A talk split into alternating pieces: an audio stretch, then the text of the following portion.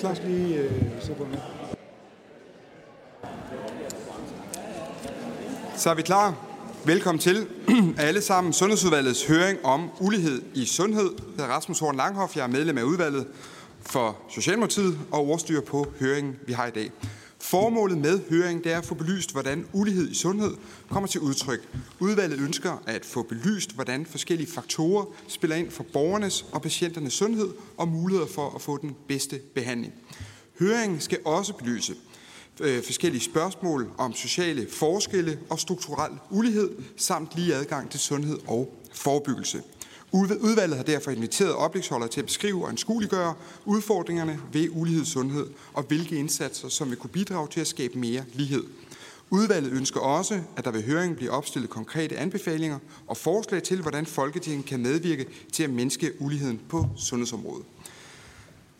Vi har en række spændende oplægsholdere her også. Vi kommer til at køre et stramt program, så det er ikke frygtelig meget tid, de får ved hver eneste oplæg. De hver eneste oplægsholder har fået præcis 5 minutter, og det bliver vi nødt til at køre meget, meget hårdt, som jeg også har fået at vide inden høringen. Men de oplægsholdere, vi har, det er Henrik Brønum Hansen, der er lektor ved afdelingen for social medicin ved Institut for Folkesundhedsvidenskab ved Københavns Universitet. Vi har Morten Sodemann, professor ved Syddansk Universitet. Vi har Leif Vestergaard Pedersen, det etiske råd, formand for arbejdsgruppen vedrørende projektet om ulighed i sundhed. Så har vi Peter Forbæk, der er sundhedspolitisk konsulent hos 3F. Vi har Karen øh, Friis Bak, der er formand for Sundhedsudvalget, Sundhedsudvalget i Danske Regioner. Vi har Claus Lunding, der er formand for Danske Patienter. Torgild Olesen, der er formand for Danske Handicaporganisationer. Og Steffen Damsgaard, der er formand for Landdistrikternes Fællesråd. Efter hver eneste oplæg, så vil der blive mulighed for, fra udvalgets medlemmer kan stille øh, et eller to sådan mere afklarende spørgsmål til oplægsholderne, og så vil vi altså vente til den mere ordnede debat til, øh, at alle oplægsholdere har øh, holdt deres oplæg, og vi har haft et lille pause. Så tager vi en enig debat. Ønskede også, at alle spørgsmål er så korte og præcise som muligt, fordi så bliver der mere taletid til flere mennesker. Og håbede også, at efter udvalgsmedlemmer har stillet spørgsmål, at der også kan blive mulighed for, at der også kan komme nogle spørgsmål fra salen. Udover de øh, udvalgsmedlemmer, vi har siddende her, så er der også øh, mulighed for, at udvalgsmedlemmer kan deltage via Teams. Indtil videre har vi Lislot Blikst fra Dansk Folkeparti, som altså også er med øh, via øh, Teams, og altså også kan stille spørgsmål herfra. Det holder vi øje med herop, hvem der øh, beder om ordet. Øh, høringen bliver optaget på øh, Folketingets TV, altså, og kan både findes på Folketingets hjemmeside og bliver også live. Live? Transmitteret. Vi er live øh, på Folketingets TV-kanal. Men altså, velkommen til alle sammen. Første oplægsholder, det er Henrik Brøndum Hansen. Og værsgo, hvor er dit? Og I skal selvfølgelig bruge mikrofonen, så alle kan høre, hvad I siger, så det også kan komme ud i Jeg håber, I kan høre mig. Værsgo. Ja. Ja, øhm, jeg vil starte med at... Nå, jeg troede, der var noget animation her. Kan du styre animationen? Ja, øhm, næste. Tak. Ja, det virker ikke, som det, ville- som det skulle. Jeg tror, det ligner en pdf-fil, desværre.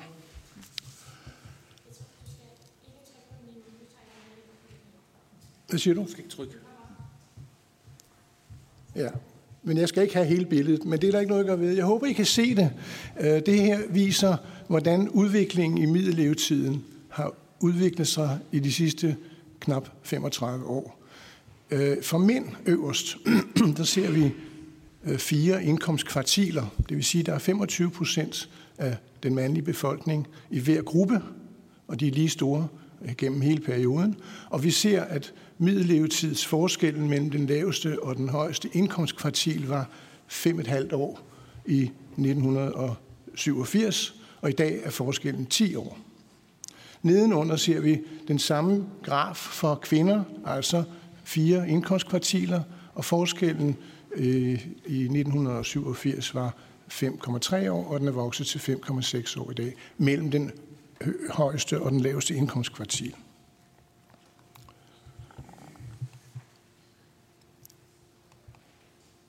Jeg beklager det her.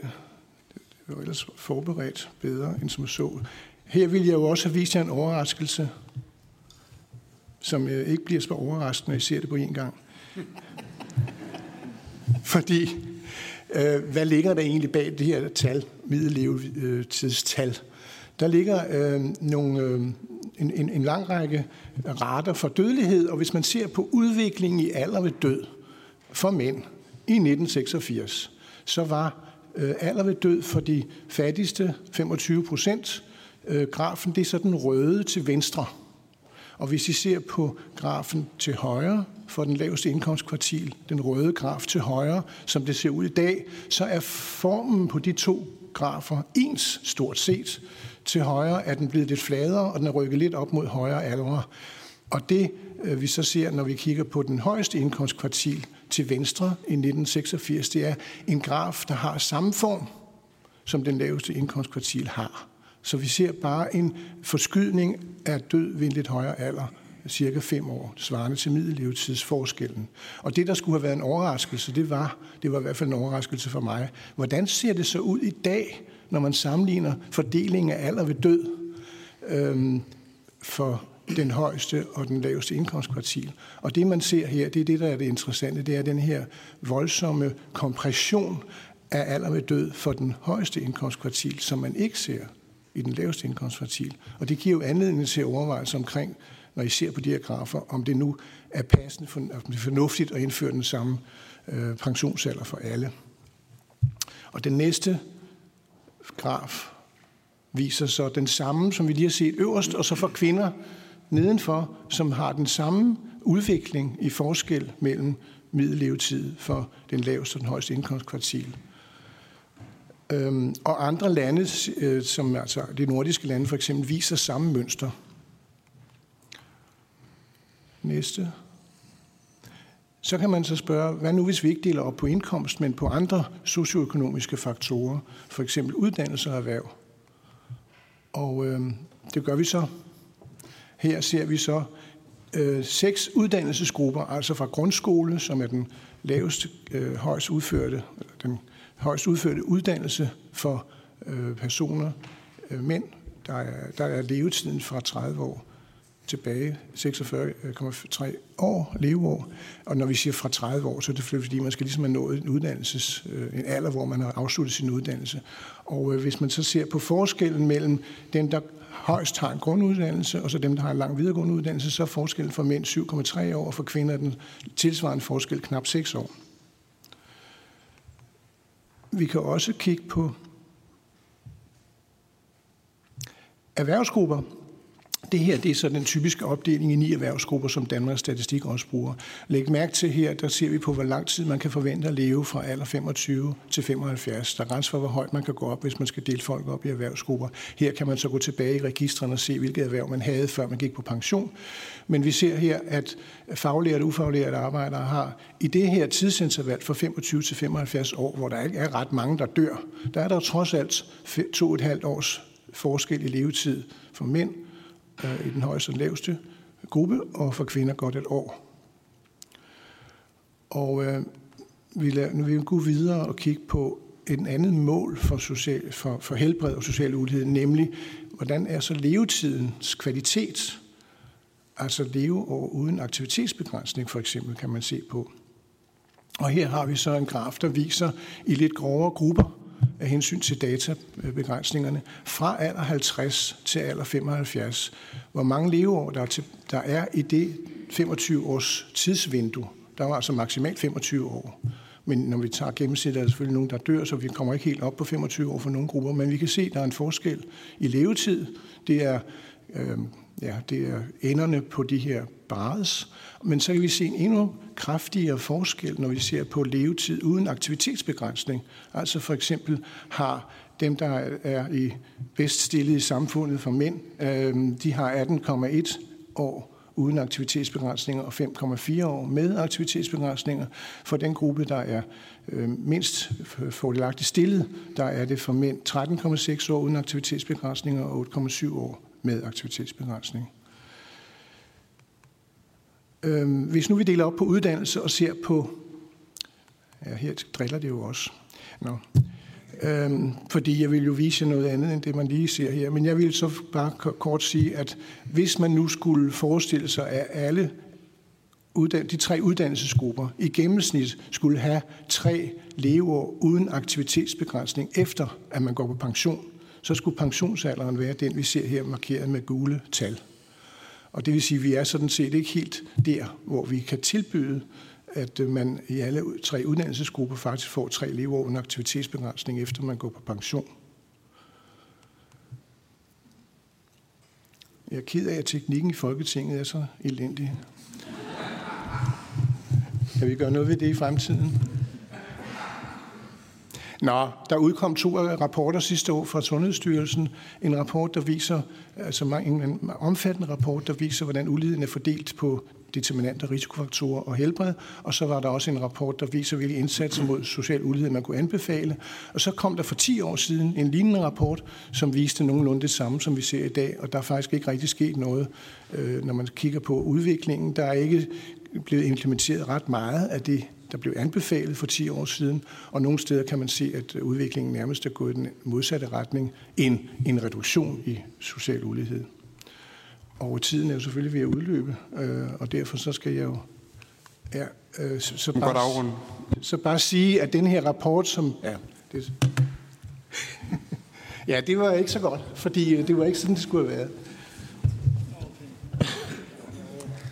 Det er benhårdt øh, at få fem minutter, når man har så meget på hjertet og har så mange øh, gode budskaber.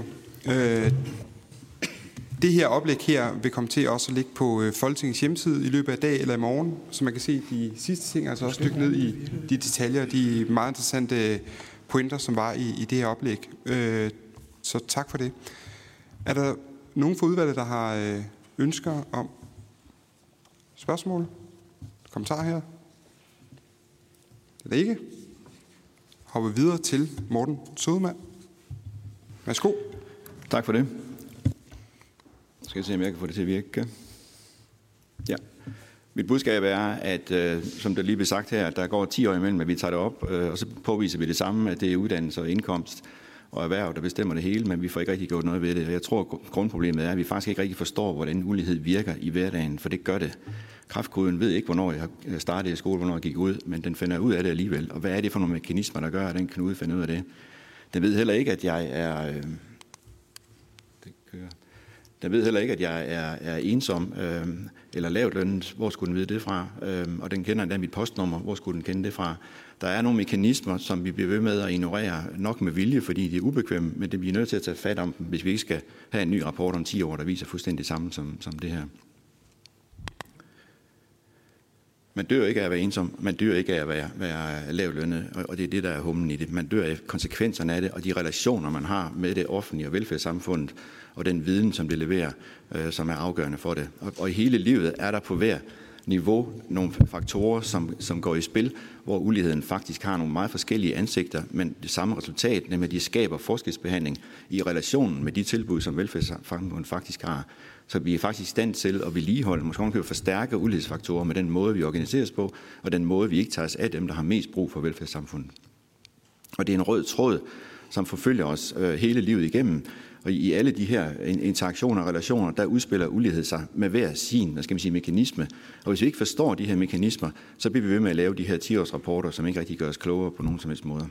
Vi er selv, hvad skal man sige, øh, skuespillere i det, vi selv roller i det, og det er noget, som, som mange i det offentlige tænker, at det er noget, der foregår ude i samfundet. Det er ikke noget, der har noget at gøre med, med sundhedsvæsenet, men det er også øh, et uligt samfund, der er inde i sundhedsvæsenet, og sundhedsvæsenet har også et ansvar for de forskelsbehandlinger, der, der forekommer øh, lige fra, fra diagnostik til øh, rehabilitering efter sygdom.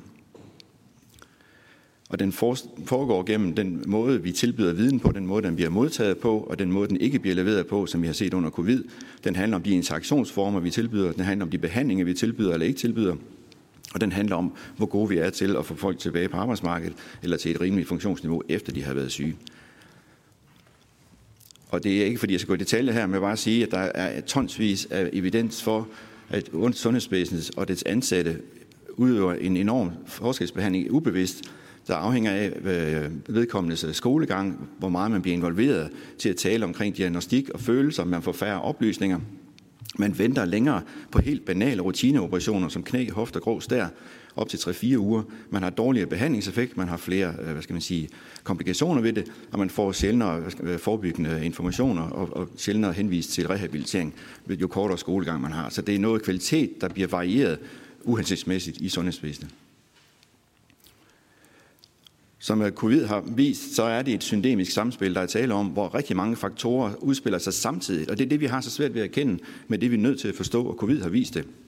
Der er rigtig mange sociale faktorer, der samtidig optræder i det samme rum, og pludselig så bliver de meget stærkere, end de ville have været. Skolegang bliver meget mere vigtig. Sygdom bliver meget mere vigtig for, om man bliver syg, og ens øh, chance for at overleve bliver meget mere afhængig af de andre faktorer, end de ellers ville have været.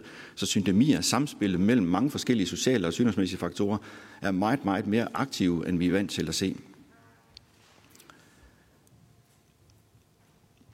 Ensomhed forkorter livet øh, og koster lige så meget tabt leveår som 15 cigaretter dagligt og er farligere end overvægt. Men hvor ligger hvad skal man sige, indsatserne hen? De ligger på cigaretter og overvægt, og det er fair nok, men vi mangler noget, noget i viden om ensomhed. Hvorfor er det, at ensomhed forkorter ens liv? Hvad er det for nogle mekanismer, der sker der? Det er ikke noget abstrakt. Det er ikke noget, der foregår i statistik, det her. Det er noget, der udøves i samfundet og i det offentlige institutioner. Vi ved bare ikke, hvordan de virker, og det er det, der er vigtigt. Vi skal vide noget om mekanismerne i det, for at kunne undgå de her 10-års-rapporter. Vi skal, hvis vi gør noget ved det, så skal vi virke, hvordan de virker, og hvordan vi hver især bidrager med den måde, vi arbejder på, taler på og organiserer os på. Problemer skal ikke tilpasse de løsninger, vi har, for det er det, vi gør. Det er fuldstændig omvendt. Vi er nødt til at have et andet tankesæt her. Vi har behov for nogle andre løsninger og en bedre problemforståelse, hvis vi skal gøre noget ved ulighed i sundhed. En af de ting, jeg har foreslået, i, det er sådan en, en pakke af, af, af manglende jobs i, i sundhedsvæsenet. Og en af dem er altså, de bliver altid sure direktører, når man siger det, men der mangler faktisk en direktør for patienterne. En hver større medie i Danmark har en, patientens redaktør, eller en, en læserens redaktør, hvor man kan ringe til og skrive til, og som er ansat af bestyrelsen, og som ikke har nogen som helst, hvad skal man sige, daglig øh, arbejde på, med, med redaktionsarbejde, og som er den, der holder øje med, at ting foregår ordentligt og fornuftigt, og efter de, de regler, man selv har sat op. Der mangler simpelthen en patientens direktør, for det er der ikke på nogen sygehus. En, der kan forsvare patienterne og holde sammen på de her ting, blandt andet at de her ting meget ofte foregår på grund af organisationsfejl og, og hvad skal man sige, holdninger i systemet. Der er nødt til at være, ligesom man har MCV'er og brand og miljø og kønsfordelingsanalyser, så er man simpelthen nødt til at have en ulighedsvurdering af alle nye tiltag i sundhedsvæsenet. Og så skal vi have nogle nøglepersoner. Vi er, jeg er på brandkursus hvert år. Øh, jeg har ikke set nogen brand endnu, det er fint nok, jeg kan det. Men vi mangler altså at kunne slukke de der brænde, der sker hver time, når vi taler med patienter, som vi skaber forskelsbehandling for. Så vi skal også have et kommunikationsbrændstrukningskursus en gang om året osv. Så, så der er nogle, nogle jobs, der mangler øh, at blive defineret nogle nøglepersoner, som vi mangler at få på plads i sundhedsvæsenet. Og så vil jeg bare slå slag for, at mange af de, de her voksensygdomme, vi slås om nu, det er i virkeligheden sygdomme, der opstår i barndommen. Der skal gøres meget mere mod børnefattigdom og dårlig opvækst, og de effekter, det har at have gået, gået kort tid i skole, og ens forældre har det. Øh, ensomhed er, er vanvittigt farligt. Hvad er det, der sker der? Uligheden holder aldrig fri. Den øh, er altid i aktion overalt i samfundet, og man kan ikke have sådan nogle fri, frirum som, som sundhedsvæsen, øh, hvor ingenting skal ske. Samspillet er enormt vigtigt. Du må godt runde Sundhedsvæsenet forskelsbehandler. Jeg er færdig nu. Sundhedsvæsenet forskelsbehandler på baggrund af social status. Men hvorfor gør de det, og hvordan gør de det, og hvordan stopper vi det? Tak. Tak for det, Morten.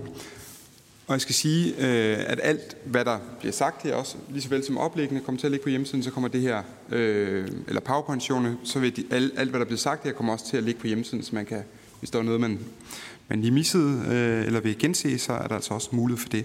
Og vi tager lige et spørgsmål fra Kirsten Norman Andersen. Værsgo. Tak for det. Øhm, jeg blev lidt inspireret både af Henrik Brøndum Hansens øh, oplæg, men, men også af dit, Morten, fordi ensomhed er øh, helt sikkert en, et parameter også i forhold til, hvem kan hjælpe mig, øh, hvem kan støtte mig, når jeg får brug for sundhedsvæsenet, men, men sådan set også i hverdagen. Og noget af det, jeg har været lidt optaget af, det er, at, at vi ser også, at kortuddannede oftere bliver fyret tidligere og ikke nødvendigvis har et kollegialt øh, øh, fællesskab, øh, som de kan trække på øh, i forbindelse med deres sygdom. Men de mister måske også de få relationer, som de kunne have. Øh, de mister indtægt, de mister tryghed, øh, social øh, øh, øh, tryghed i, i forhold til det. Altså, hvad, kan, er det i virkeligheden en arbejdsmarkedsreform, vi også skal ind og kigge på for at løse ulighed i sundhed? Vi tager lige øh, Peter Velblom også med. Værsgo. Ja, tak, tak for det, og, og tak for, for oplægget. Du nåede desværre kun at høre øh, dit oplæg, Morten, men, men øh, der bliver peget på rigtig mange øh, elementer i forhold til det her. Altså det, det er jo et kompleks, en kompleks problemstilling, og det er nok også derfor, at der nogle gange øh, kan være en vis uvilje til at reagere på det, fordi det er svært at se, hvor man skal tage fat hen. Men altså, handler det her, altså hvis man skal gøre op med den systemiske ulighed i forhold til det, altså handler det så om, om de helt strukturelle tiltag, man skal tage, altså i forhold til at øh, sikre bedre uddannelse af personale, i forhold til at reducere øh, børnefattigdom for eksempel, øh, øh, i forhold til at afskaffe brugerbetaling på, på alle niveauer? Øh, eller er det mere sådan nogle, nogle punktnedslag? Altså, nu taler du selv om, om øh, hvad hedder det, øh, patienternes direktør, eller øh, at der skal være en ændret kultur. Øh, altså, hvor er det, vi, vi bedst har fat i forhold til at ændre den her problemstilling? Tak for det. Og vi når lige øh, Stinus Lindgren med, og så lukker vi af nu her, og så øh, ja, korte spørgsmål, korte svar, og så har vi debatten efterfølgende. Værsgo, Stinus. Tak for det, og tak for nogle gode oplæg. Jamen, inspireret nu, mine øh, kolleger her også begyndt at snakke. Øhm, du nævner, Morten, at øhm, vi ved ikke nok om det her problem, men vi vil se, at vi genbesøger det hver 10 år. Så et eller andet må vi vel for pokker have lært i løbet af de sidste 10-20 år, håber jeg da. Og hvem er vi? Er det os herinde? Er det jer, der sidder med patienterne? Er det Sundhedsstyrelsen? Hvem, hvor er problemet henne? Og for at sætte på spidsen her den sidste halvandet års tid, der ved du bedre end rigtig mange andre, der har vi jo ligesom haft et øh, kan man sige, crash course i, hvad ulighed i sundhed kan betyde, øh, især i forhold til kommunikation. Er der noget derfra, vi kan lære i mere generelt forstand i forhold til, hvordan vi, vi får folk med? Værsgo, Morten. Men jeg tror, det centrale her er den samspilshamlighed, som udspiller sig, uden vi rigtig opdager det. Altså, covid har været tydelig i det, men, men det, er jo, det er jo ikke, covid har jo ikke rigtig i virkeligheden noget særligt, særligt punkt der. Det er noget, der sker med alle sygdomme, at man bliver ekstremt samspilsramt, hvis der er en række faktorer på plads samtidig.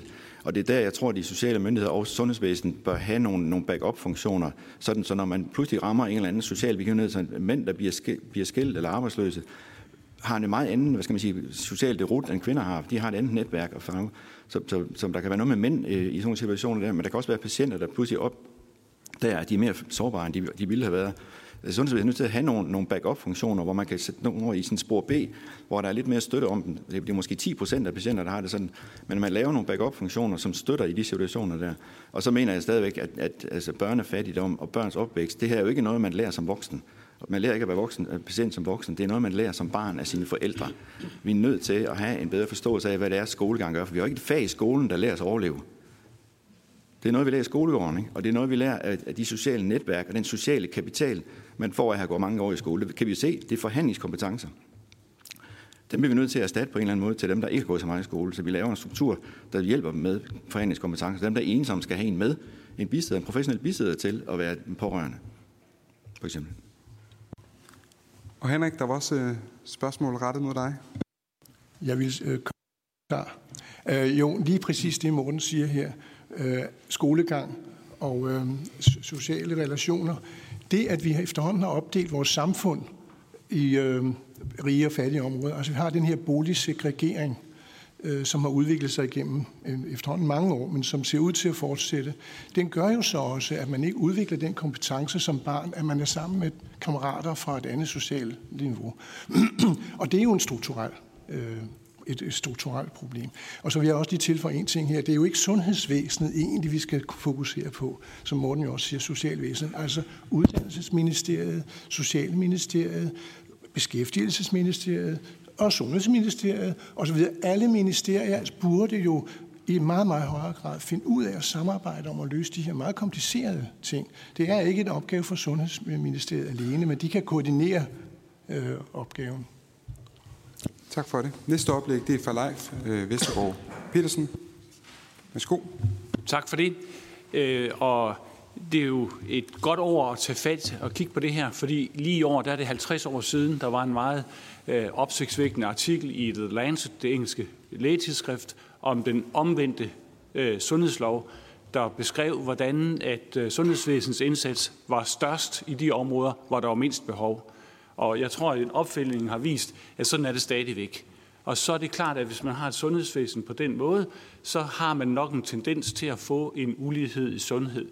Øh, I det etiske råd, øh, der kigger vi på det her. Øh, hov, nu kommer vi en gang for langt sådan her. Vi blev anmodet om at kigge på ulighed i sundhed øh, af udvalg vedrørende det etiske råd og Sundhedsstyrelsen og mange andre, der har peget på, at det ville være godt at tage fat på det. Og det vi kigger på, det ligger i forlængelse af et projekt, vi tidligere har haft om retfærdig prioritering i sundhedsvæsenet, og et projekt, der handler om omsorgen i sundhedsvæsenet, og hvad bliver der af den.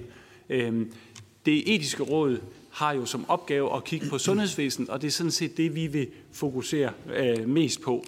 Øhm, hvis du vil blad. Der kom den næste. Det her det, der slår vi ned på et, et sygdomskompleks som er nemt at have med at gøre, fordi det er nemt at måle på. Øh, der kigger vi på overlevelsen af en række forskellige kræftsygdomme, og dem, der, dem, der ligger til højre for den der stiplede linje, det er de kræftsygdomme, hvor uligheden er blevet større igennem de seneste år.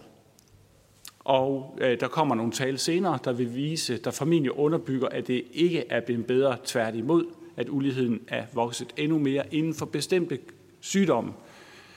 Det, det, det undrer vi os lidt øh, over i det etiske råd, at det er sådan, og vi fokuserer derfor lidt på sundhedsvæsenets indsats i sig selv.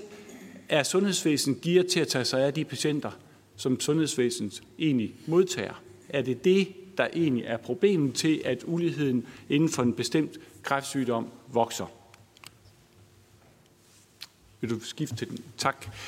Det er klart, at der er en meget, altid meget kompleks sammenhæng mellem øh, ulighed i sundhed og sundhed, og så hvad hedder det, en hel masse forskellige elementer, der indgår. Og derfor er det klart, at det er fornuftigt nok at se på mange ting i det her, øh, hvordan hænger tingene sammen.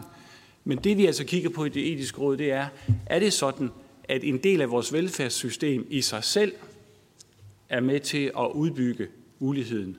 Og vores, vi er jo ikke færdige med vores rapport, men sådan som vi står nu, det må vi sige, ja, det ser det ud til. Og det er en opgave at få set på det. Vi skal tage den næste. Man kan sige det, at de tal, vi så på kræftsygdommen, det viser, altså hvis man dykker ned i det, så kan man se, at der er nogen, de får forbedret overlevelsen meget markant, og så er der nogen, hvor der stort set ikke sker noget. Nogle grupper, der ikke får nogen forbedring i overlevelsen efter at have fået en kræftsygdom. Så man kan sige, det kunne se ud som om, at der er nogen, der ikke får del i de gode resultater, sundhedsvæsenet kan yde. Vores budskab det er, at alle skal vel have del i de gode resultater. Øh, det er vel en udfordring at kunne skabe en situation, som vi har det. Vil du tage det næste? Så man kan også vende om, at ulighed i sundhed er som udgangspunkt uretfærdig, og bør der på en eller anden måde ikke korrigeres for det? Bør sundhedsvæsen på en eller anden måde ikke korrigeres for det? Vi kan jo ikke lappe på, at nogen de har haft en dårlig opvækstvilkår, men har sundhedsvæsenet ikke en opgave som velfærdsproducent at prøve at lappe på det? Næste. Og vi stiller os selv det spørgsmål, er vores sundhedsvæsen i tilstrækkelig grad opmærksom på uligheden? Og svaret er, det er det ikke. Når vi, når vi har folk ind, der holder nogle oplæg, så kommer det bag for ledere i det danske sundhedsvæsen. Hold der op, er uligheden så stor. Hold der op, er den inden for den her sygdom så alvorlig.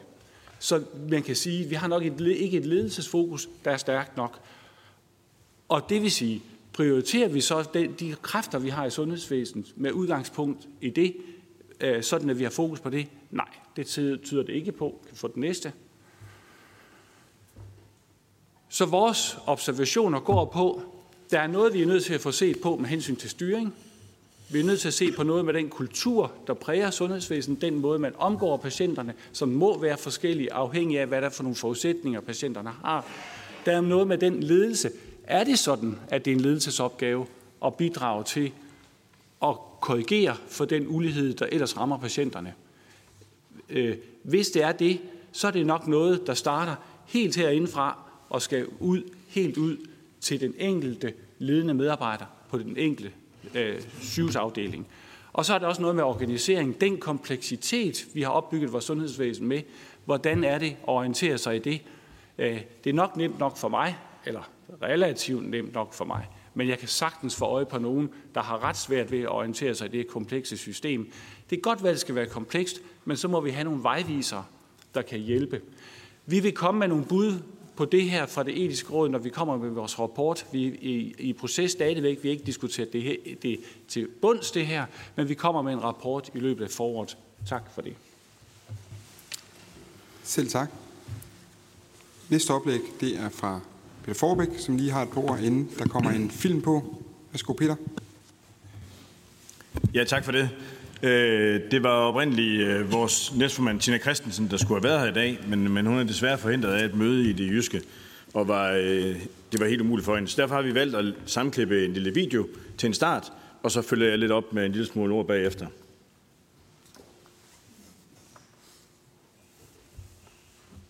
Hvis det lykkes.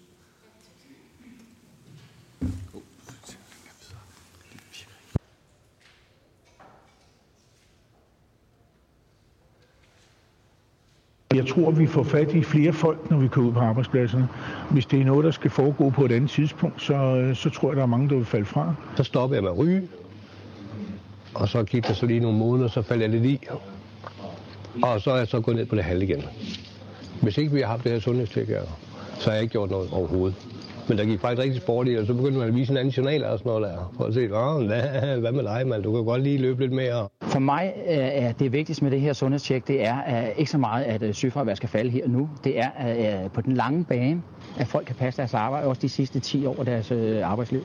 Kunne vi for eksempel få 10 procent til at være længere tid på arbejdsmarkedet, som de hele tiden snakker om, at vi skal være, jamen så vil det være, så vil det være en gevinst i sig selv.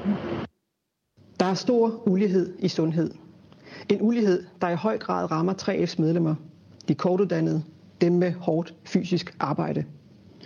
Og så sidder I måske og tænker, er det ikke bare deres egen skyld? Er det ikke en forkert livsstil at have? At de ryger for meget, at de drikker for meget, spiser for usundt, og i øvrigt ikke rigtig gider at dyrke motion? Og her er svaret bare nej. Tag for eksempel en øh, sygdom som type 2 diabetes. De fleste ved jo, at fysisk aktivitet, hvad man spiser og om man ryger, betyder noget for risikoen. Men de færreste ved, at køn, alder, etnisk oprindelse, gener, ja, jobtype også har en betydning for risikoen. For 3F er der ingen tvivl om, at ulighed i sundhed og de løsninger, vi skal finde, de skal findes i kommunerne. Jeg synes, der er brug for en mere forpligtende indsats på forebyggelsesområdet i kommunen. Konkret, ja, så kunne øh, forebyggelsespakkerne, som i dag er anbefalinger fra Sundhedsstyrelsen til kommunernes arbejde, ændres til at være forpligtende. Kommunerne skal for eksempel forpligtes til at lave en tidlig opsporing på arbejdspladserne og i boligområderne. Ikke sådan, at kommunerne skal ud og banke på alle døre, men der er data, der klart fortæller, i hvilke boligområder der er størst sundhedsmæssige udfordringer. På samme måde så ved vi, hvilke brancher og dermed arbejdspladser, der har størst udfordring med nedslidning og risiko for livsstilssygdomme. Kommunerne skal lave en langt bedre og tidligere opsporing med sundhedsscreeninger og proaktiv rekruttering til deres forebyggelsestilbud. Sundhedsscreeningerne ja, de skal opfange sygdommen og folk i høj risiko for sygdommen og sende folk videre til egen læge eller til forebyggelsesinitiativer i kommunen. Screeningerne ja, de skal afrapporteres til arbejdspladsen og der skal laves en vejledning til den enkelte og til arbejdspladsen på, hvordan man kan forbedre den generelle sundhedstilstand og løfte arbejdspladsens sundhedsmiljø. Det vil efter vores opfattelse kunne gøre op med den stigende ulighed, der er i sundhed. Det vil sikre, at flere kommer tidligere i behandling eller får tilbud om hjælp til ændret livsstil. Det vil sikre en vejledning til arbejdspladserne i, hvad de kan gøre Samlet set, ja, så vil det betyde, at 3F's medlemmer kan blive længere på arbejdsmarkedet. I dag er det rent faktisk sådan, at en femtedel af 3F's medlemmer ikke er på arbejdsmarkedet, når de fylder 60 år. Og det er ikke på grund af tidlig pension. Det er på grund af sygdom eller død. Det må vi kunne gøre bedre. Tak for det. Øh, det var Tina Christensen, vores næstmand i, øh, i 3F. Vi har fra vores side af valgt at lægge lidt mere vægt på det handlingsorienterede, fordi vi ved her i dag, at Henrik Brøndum og andre gode kræfter heroppe altid er god for alle dataene. Og derfor har vi lagt lidt vægt på, både i videoen fra Tina, men også i, i forhold til de ekstra ord fra, fra mig, hvad det er, som vi mener, der, der skal gøres i stedet for. Men hvis man bare skal kort opfatte, øh, opsummere, ja, så dør de kortuddannede langt tidligere. De rammes langt oftere af alle de alvorlige sygdomme de fastholdes i langt mindre omfang på arbejdsmarkedet. Tværtimod så skubbes de ud af arbejdsmarkedet og forsvinder helt ud. Men det vigtigste er måske at understrege over for jer i dag også, det er, at vi faktisk kan gøre noget ved det. Altså både vi i fællesskab kan noget ved det, og I kan faktisk også gøre noget ved det. I, øh, i videoen øh, til at starte med, der sætter vi fokus på det her med tidlig opsporing.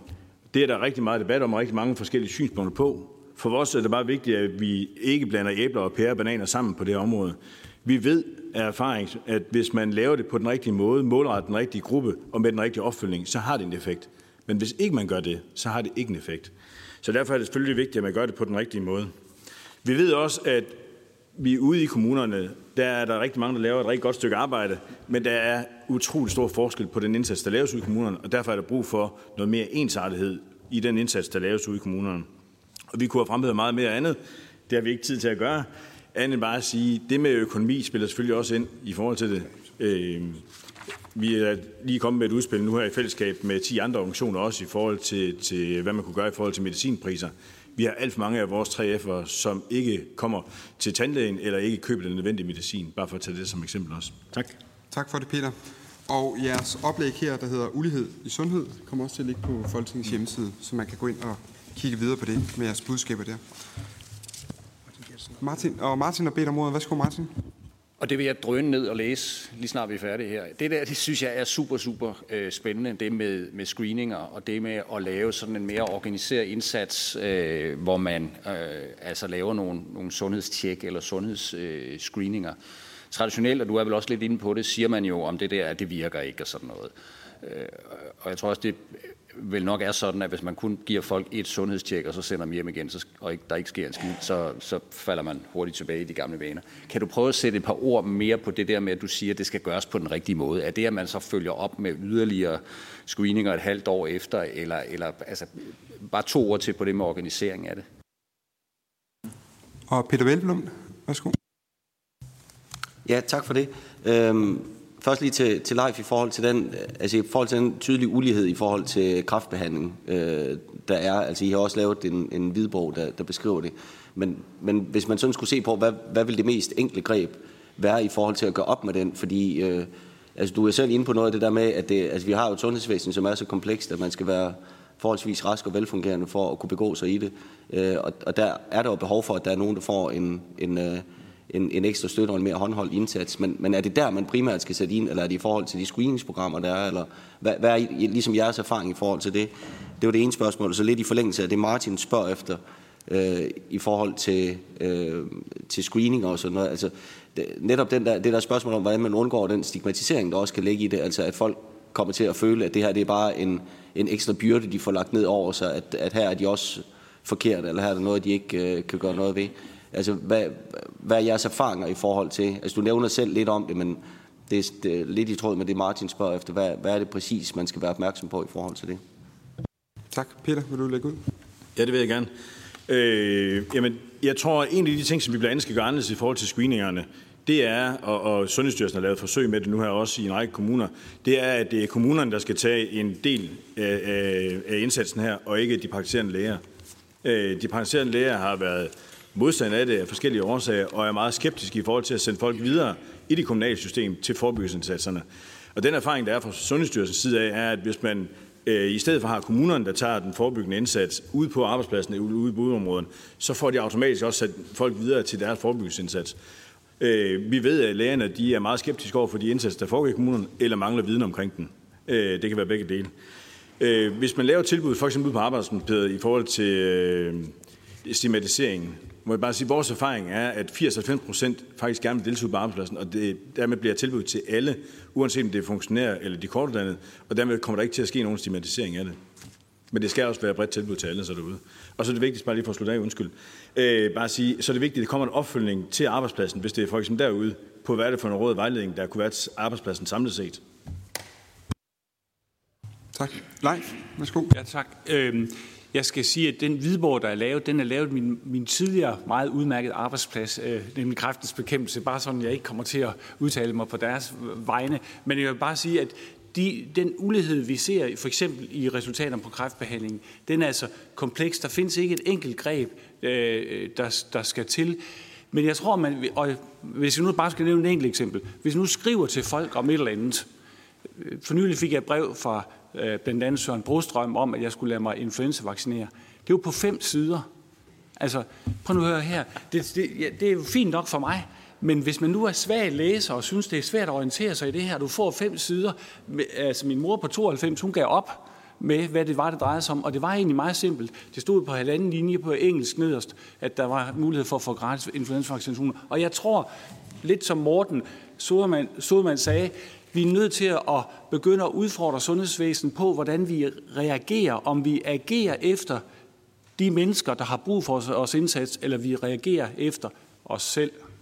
Tak. Tak for det budskab også. Næste oplæg, det er fra Karin Friis Bak. Værsgo. Ja, tak for det. Og øh, tak for nogle gode oplæg indtil videre, som jo også sætter spot på, øh, hvor stort problemet er. Jeg har så fået til opgave at fortælle lidt om, hvordan vi arbejder med det i den øh, regionale del af sundhedsvæsenet. Øh, og jeg vil bare lige sige, og starte med at sige, at der er også øh, lagt en publikation ud, der beskriver vores arbejde som en del af høringsmaterialet. Og så vil jeg også øh, lige starte med at sige, at, øh, at der findes jo flere forskellige slags uligheder, og det synes jeg også er, er vigtigt at, at holde sig for øje. Der er jo både den sociale ulighed, som vi har talt rigtig meget om her. Der er jo også en geografisk ulighed, der er ulighed mellem diagnoser, der er ulighed mellem befolkningsgrupper, vi var lidt inde på, mellem mand og kvinde osv. Og i regionerne, der arbejder vi sådan set med, med det hele og er opmærksomme på det hele. Men det, jeg koncentrerer mig mest om her, det er den sociale ulighed, som vi jo også har talt mest om her. Vi ved, at den er systematisk, og den er udbredt, og den er stigende. Det er jo allerede øh, blevet vist, og, og jeg synes jo, at vi i regionerne også har øh, som sundhedspolitikere et ansvar for at gøre, hvad vi kan for at mindske uligheden, så vi ikke risikerer, at øh, vi får et, øh, et A- og B-hold øh, i worst case. Skal vi tage den næste? Ja, vi har allerede øh, i regionerne i gang sat øh, en række initiativer, men som jeg også allerede synes, vi har været lidt inde på, så er den sociale ulighed i sundhed, den opstår i et rigtig komplekst samspil mellem rigtig mange, mange forskellige faktorer, og jeg synes også, der blev spurgt til arbejdsmarkedspolitik, og der blev spurgt til, der blev nævnt uddannelsespolitik, og rigtig mange ting. Så det var for at sige, at der er rigtig mange ting, der spiller ind på den ulighed. Øh, og, og det, er den, det er der, den store ulighed opstår. Den opstår sådan set uden for sundhedsvæsenet, og før man kommer i kontakt øh, med sundhedsvæsenet. Det er ikke det samme som, at vi ikke har, øh, at vi ikke har indflydelse eller mulighed for at, gøre, at tage ansvar øh, for nogle af tingene, og, og det prøver vi også. Men, øh, men det har jo det, det påvirker os jo, hvilke vilkår vi er vokset op under, hvilke ressourcer vi har til rådighed, hvilke relationer vi indgår i, de steder vi færdes, de steder vi bor osv. Så, øh, så vi ser sådan set den primære forebyggelse som det vigtigste øh, redskab i at, øh, at forebygge øh, ulighed i sundhed. Øh, som sagt, vi tager selv ansvar for det, men, øh, men det er jo også nødvendigt, når det er så bredt, så er det også nødvendigt, at det sker i et tæt samarbejde og en fælles indsats på tværs mellem både stat, regioner, kommuner, civilsamfund, forskningsmiljøer, dagligvarehandel, erhvervsliv, øh, og også med hjælp fra jer her i Folketinget selvfølgelig. Ja, næste slide. Så som sagt, vi er øh, langt fra alene øh, om den her dagsorden. Øh, vi har også øh, etableret en øh, alliance mod social ulighed i sundhed, hvor vi arbejder med at målrette med det. Og så har vi jo øh, lavet et konkret forslag om en folkesundhedslov. Der er 71 organisationer øh, bredt repræsenteret, der, der bakker op om det, og det foreslår vi jo, at I vedtager. Øh, det er jo en, øh, en lov, hvor det er, at man, øh, at man øh, indtænker folkesundheden i alle andre aspekter af øh, det lovmæssige arbejde, man laver. Øh, og det er ikke det er ikke tænkt som et eller andet øh, påbudsting, øh, ting, at nu skal vi alle sammen øh, have det enormt surt og kedeligt. Øh, det er jo netop tænkt som at øh, at vi vi skal tage ansvar for at tænke, når vi laver nye beslutninger, hvordan vil det her påvirke vores øh, sundhed, netop sådan, så at vi kan få sundhed og god trivsel, og det kan blive en frihed for os alle sammen. Så øh, det, en del af, af formålet med det, eller hovedformålet med det, kan man sige, det er jo også at få noget systematik ind i det, noget systematik og noget forpligtelse.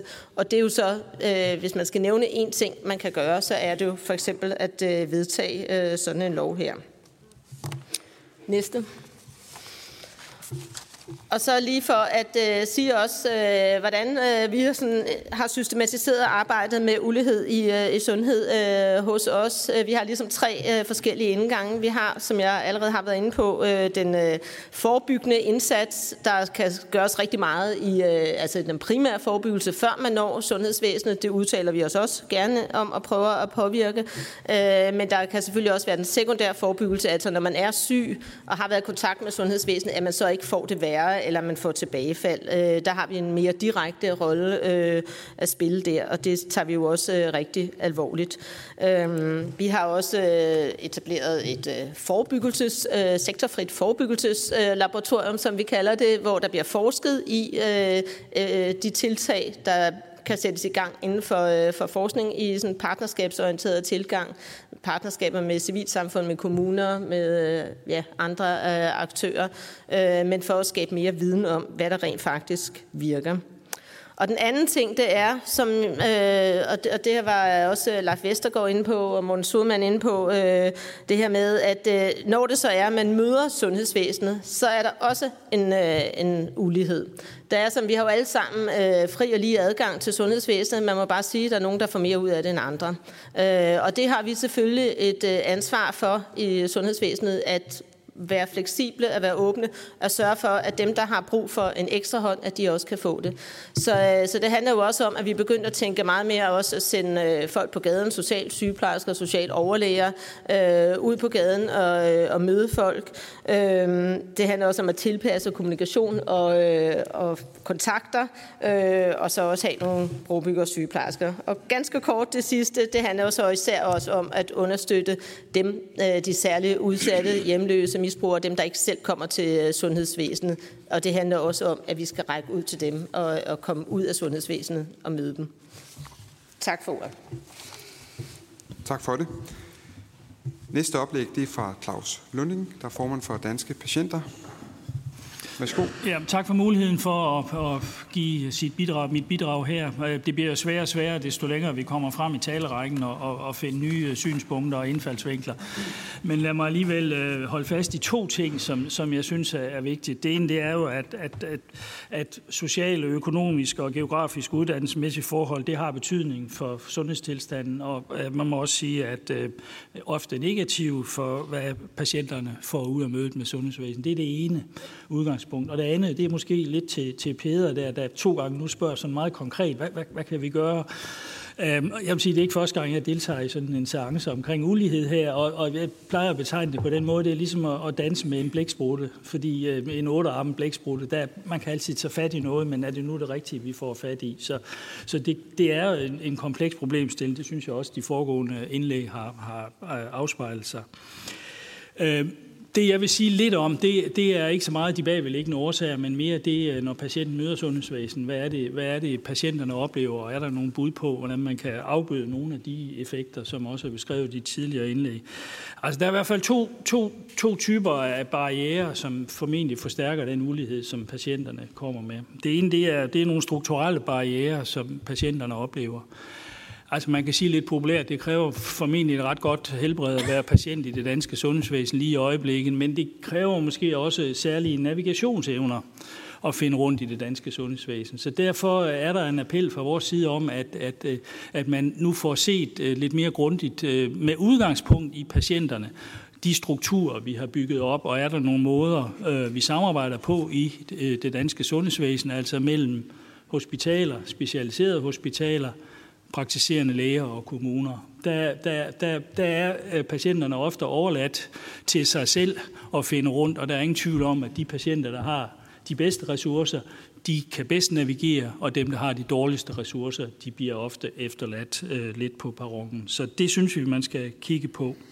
Konkret, øh, ud over at, at kigge på strukturerne, så kunne vi godt tænke os, at, øh, at man kigger ind i, i nogle af de modeller, eller den model, der er på, på sygehusen, hvor man har en patientansvarlig læge, som øh, i tankegodset er fanta- en fantastisk tanke, måske ikke fuldt implementeret alle steder, men at man også i patientens vandring øh, efter hospitalet får ikke en patientansvarlig læge, men en patientansvarlig kontaktperson, som i forhold til ikke alle patienter, men måske de særligt sårbare, øh, defineret øh, ud fra, fra den viden, man har, at man kan tage patienten øh, billedet taget i hånden og sørge for, at patienten kommer sikkert igennem øh, systemet. Det, det kunne vi godt øh, de skal øh, ønske os.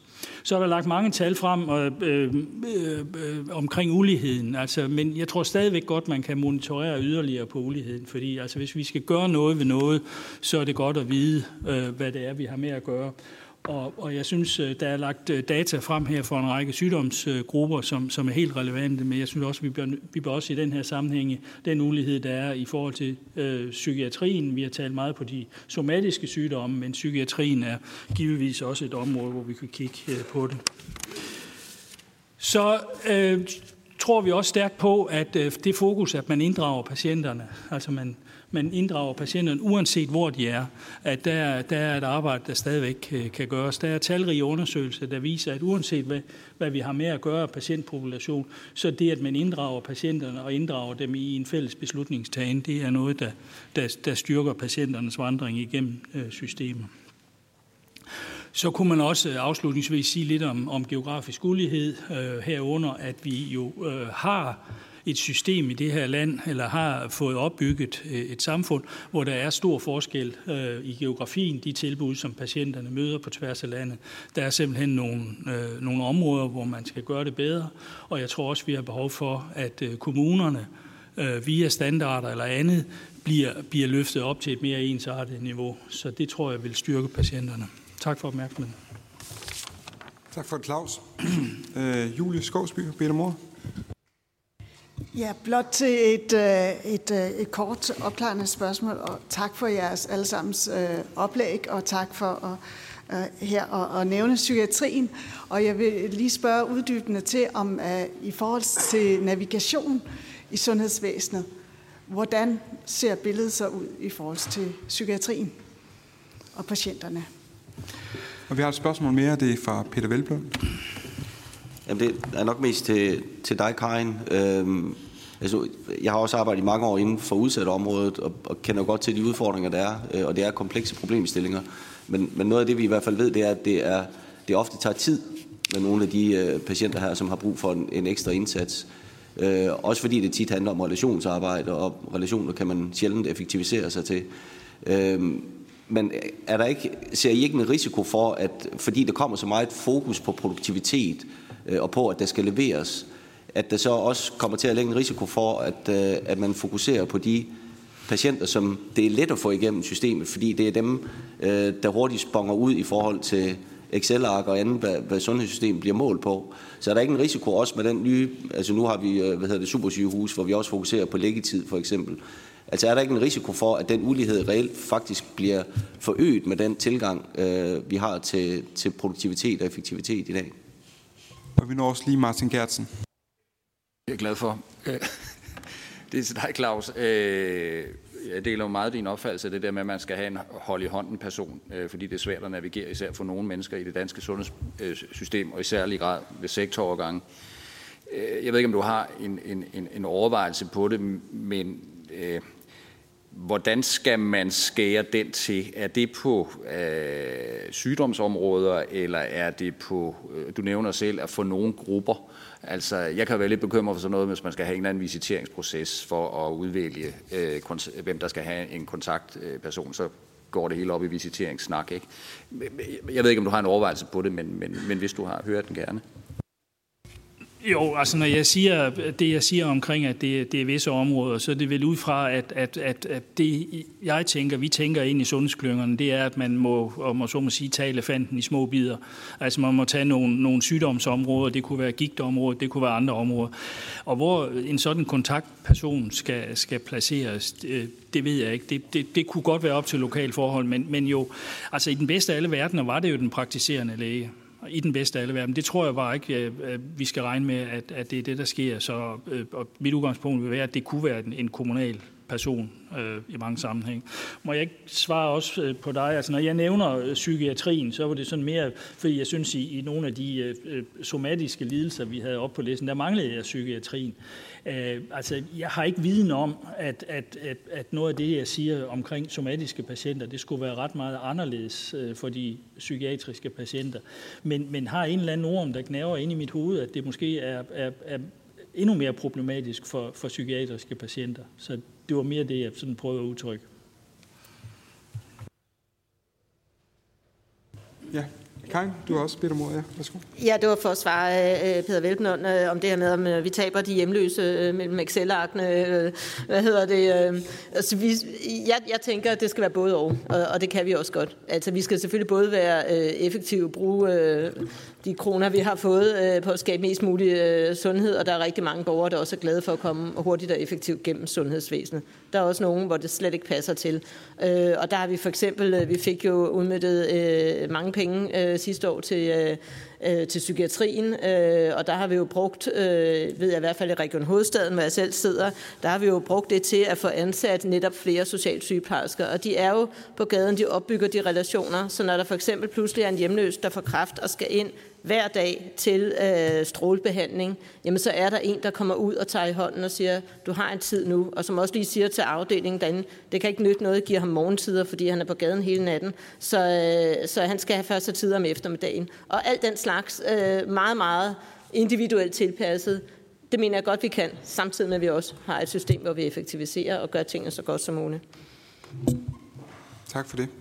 Næste oplæg, det er fra Torgild Olsen, som er formand for Danske Handicaporganisationer. Værsgo, Torgild. Tak for det, og tak for muligheden for at komme her. Øh, Danske Handicaporganisationer, som jeg repræsenterer, har jo 35 medlemsorganisationer og 340.000 medlemmer cirka. Øh, og vi repræsenterer jo bredt øh, både traditionelle handicaptyper som mit eget, kørestolsbrugeren eller den døve, men jo også mennesker, som har kroniske sygdomme, og der er et efterfølgende et handicap, for eksempel gigt, diabetes, kol osv. Uanset om det er det ene eller andet, øh, så oplever vi øh, ulighed i, øh, i sundhed øh, på tværs. Øh, vi oplever, at øh, der er forskel på den måde, som man bliver mødt på i, i forhold til, hvorfor, hvorfor sygdom man har, tilgængeligheden til sundhedsvæsenet, om det er en psykisk lidelse, eller om det er en somatisk lidelse, om det er akut, eller om det er kronisk, det man har. Så vi oplever faktisk meget den her ulighed på tværs. Og vi oplever det også, at det kan ses i tallene. Øh, nu er vi inde på her med de psykiske øh, mennesker med psykiske sygdomme. Øh, vi kan jo se i tallene, at mennesker med psykiske lidelser lever 15-20 år kortere end andre mennesker gør. Vi kan se, at mennesker med et udviklingshandicap lever 5-10 år kortere end andre mennesker gør. Så der er en eller anden form for ulighed i systemet. Vi oplever også problemer, fordi vi har lavet en undersøgelse blandt vores medlem medlemmer i et panel, vi har, hvor, hvor der er hvor, der, hvor fjerde siger, at, øh, at de føler sig dårligt behandlet i sundhedsvæsenet. Og det er altså rigtig mange hver fjerde. Jeg vil fokusere på to områder, kronik, øh, kronikerområdet og på tilgængeligheden, øh, og måske dem, som måske passer lidt dårligere ind i systemet. Jeg mener, at det, der er behov for, er på kronikerområdet, hvis vi tager det først, at, øh, at der bliver lavet en kvalitetsstandard, øh, som kommunerne skal følge. Det er jo ofte kommunerne, der har ansvaret på kronikerområdet. Der er simpelthen behov for en eller anden standard for, hvordan man skal gøre det. Øh, det giver ikke, forskel, det giver ikke mening med store kommunale forskelle. Og det giver ingen mening, at den støtte, man skal have, det hjælp, man skal have, afhænger af ressourcer og vilje i kommunerne til at gennemføre det og viden i øvrigt. Vi snakker, og de udfordringer vokser når vi snakker om multisygdomme. Øh, 4 ud af 10 danskere har to eller flere øh, kroniske sygdomme, øh, og der er det endnu sværere at komme på tværs, når der skal samarbejdes mellem kommuner og regioner, men også når der skal samarbejdes på tværs af specialer inden for, for lægevidenskaben. Og fordi man kan jo tage et eksempel. Hvad betyder cystisk fibrose egentlig, hvis man skal have kemobehandling? Det er jo ikke nødvendigvis let at finde ud af. Hvordan giver man en ordentlig diæt til en diabetiker, som også har cøliaki? Så der er, der er simpelthen nogle problemer. Øh, noget af det, det handler om, kommer til at ske ved det, er, at borgeren selv kommer til at stå som den, der skal koordinere arbejdet. Vi har en, en person her med, med psoriasis, øh, som også har en immunnedsat sygdom, som gør, at øh, kemobehandlingen på den ene side går ud, den ene, en slags kemo går ud over leveren, og den anden går ud over nyren, og det er så vedkommende, som skal stå som, som vidne i, i behandlingen om, hvordan det her det skal foregå. Det, øh, vi skal simpelthen blive bedre til at tænke, at tænke ud af boksen og tænke på tværs af de, øh, de, problemer, der er. Så vil jeg prøve at se lidt på kort til sidst lidt på de her problemer, der er på tværs, øh, eller som, på de mennesker, som måske ikke øh, passer helt ind i systemerne. Vi ved, at, øh, at der er store problemer med tilgængeligheden. Vi oplever i vores undersøgelser, at, øh, at der er en del, som har problemer med for eksempel at komme til scanninger for, for, for kræft. Det kan være øh, øh, kvinder, som skal have mammografiscanning, som sidder i kørestol, hvor det er et problem. Det kan være øh, en af mine øh, tillidsfolk, som, øh, som skal til tandlæge, men hvor tandlægen er nødt til at komme ned på, på torvet oppe i Aalborg og stå for behandlingen, fordi øh, vedkommende ikke kan komme ind til specialtandlægen, øh, fordi der er trapper. Øh, sådan nogle ting øh, oplever vi, øh, og det er kæmpe store problemer, øh, og det, det, det bør der øh, sættes ind over for. Øh, vi øh, oplever også problemer i forhold med kommunikation, som nogen har været inde på. Øh, altså det, dels det at få kommunikeret øh, til folk, øh, at, øh, at de skal komme. Øh, for mig kan det være et problem at modtage kommunikation fra, fra, fra, fra øh, sundhedsvæsenet, men det kan også være et problem for en med kognitiv handicap øh, at få et brev i e-boks om, at nu skal du komme øh, derhen. Altså læser man den e-boks meddelelse, og forstår man, hvad der står i den. Så der er en hel masse problemer i forhold til, øh, og det er sådan set nogle af de ulighedsting, som vi oplever. Ikke så meget socioøkonomisk ulighed, men en, en, en helt konkret ulighed, som gør, at vi øh, kommer til at få en dårligere oplevelse i sundhedsvæsenet og leve kortere. Og så har jeg slet ikke snakket noget om forsikringsproblemerne, om sundhedsforsikringer og om livsforsikringer og om det der med at blive kørt til en behandling, eller når man bor i et yderområde, og jeg har slet ikke snakket om det her med, øh, hvad det hedder, med, øh, med hvordan man, øh, hvordan man øh, som, som kognitivt handicappet har behov for en sundhedstjek, et dårligt sundhedstjek, som egentlig også burde være en del af sundhedsloven. Tak. Var det ikke fem minutter, Rasmus? Det var helt perfekt, Torgild. Du har ramt den lige på kornet. Næste oplæg det er fra Steffen Damsgaard, der er formand for Landdistrikternes Fællesråd. Værsgo, Steffen. Tusind tak for at være med i øh, høringen her i det her stærke panel. Øh, og øh, man kan sige, at ulighed i sundhed, set fra et landdistriktsperspektiv, er der et par stykker af jer, der allerede har øh, været lidt inde på, men øh, vi vil, øh, jeg vil her fra Landdistriktens Fællesråd prøve at, at tage endnu, grave et spadestik dybere, kan man sige, i forhold til, til landdistriktsperspektivet. Øhm, det jeg vil prøve at komme ind på her i løbet af mine fem minutter, det er først at, at præsentere en øh, de facto analyse, eller det de facto analysen, som det er, som egentlig stammer fra, eller er lavet ud fra data fra Danmarks Statistik, øh, men også fra Geodatastyrelsen og også fra øh, Danmarks jordbrugsforskning, er der faktisk også med inde i det. Uh, dernæst så har vi, hvad betyder resultaterne fra, for landdistrikterne, og så til sidst præsentation af konkrete tiltag. I forhold til øh, det konkrete med, øh, med analysen øh, her, så er der en sundhedsoversigt for landdistrikter, byer og større byer. Det er egentlig den kategorisering, den er opdelt i, og det er på sovneniveau, og derfor så vil I kunne se, at det er ikke sådan de typiske bykonturer, men alligevel, det vil sige, at sovnene kan gå ind og, og, og både indeholde land og by. Så det er blot det, kortet her er inde og, og vises, uden at vi behøver at gå, gå mere i dybden med det. Øhm, vi kan i hvert fald sige, at øh, sådan I lige har dataene, de øh, lyseste, det er landdistrikter med mindre end 120 indbygger per kvadratkilometer, øh, og mindre byer, øh, den mellemste farve, det er mellem 120 og 460 indbygger per kvadratkilometer, og de større byer, det er så over 460 indbygger per kvadratkilometer. Så vi gå videre.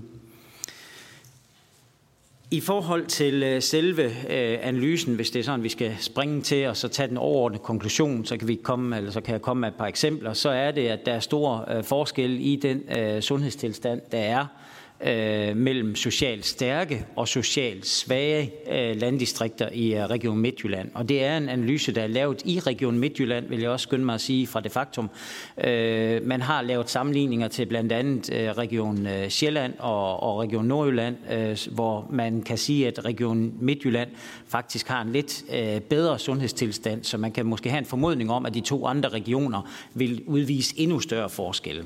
Men det er som sagt øh, konklusionen, og, og som der også står på slidene, øh, det er især på sundhedsvaner, øh, det er den fysiske øh, sundhed, og så også sygdom, og så er det i mindre grad øh, mental sundhed, som også har været berørt her øh, i, i flere oplæg tidligere. Så det er en, en skævvredet sundhedstilstand med en øh, social slagside, som vi kigger ind i skal prøve at komme ind på et par eksempler, så kan vi øh, blandt andet se, at øh, rygning og overvægt, øh, der har man, hvis man lige hurtigt skal kigge ind, øh, der er rygning først, så er der øh, alkohol, øh, fysisk aktivitet, usunde øh, kostmønstre og svær overvægt. Men går vi ud af, øh, så kan man se ud over, hvilke type geografi det er, med landdistrikter, byer, større byer og hvor mange indbyggere der er, så har man de forskellige sociogeografiske øh, områder. Øh, og der kan man sige, at område 1 øh, i landdistrikter, det er de stærkeste landdistrikter, om jeg så må sige. Der har man en øh, daglig rygerandel på 9 procent, hvorimod hvis man går ud i område 5, så har man helt op på 29 procent. Øh, så bare mellem landdistrikterne internt, så er der store forskelle. Og hvis man går nederst øh, og taler omkring øh, den svære overvægt, så er det 13 procent i, i gruppe 1, hvorimod at i de sociogeografiske område 4, så er det 24. Og jeg nævner kun tal, hvor der er en lille stjerne ved, for det viser, at det er statistisk signifikante tal, vi har. Men det er store forskelle. Vi fortsætter.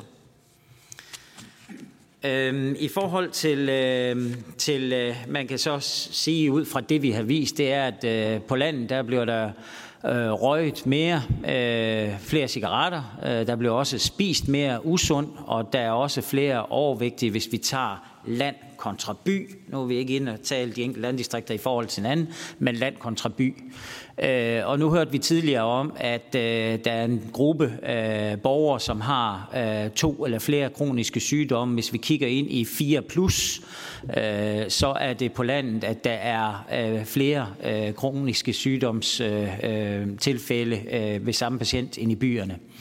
Og, og så alligevel til sidst kan man sige, at på landet så er der faktisk en bedre mental helbred end i byerne. Jeg ved ikke, om det er livet på landet, der gør det, men, men det er faktisk øh, en, øh, en, øh, en positiv vinkling, kan man sige, at, øh, at problemet er knap så stort. Men, undskyld. Ja, det, ja vi, det tager vi til kommentarspørgsmål. Men der er også forskel mellem øh, land og by, som sagt. Det er jo egentlig det her, det, øh, det viser. Vi tager den næste slide.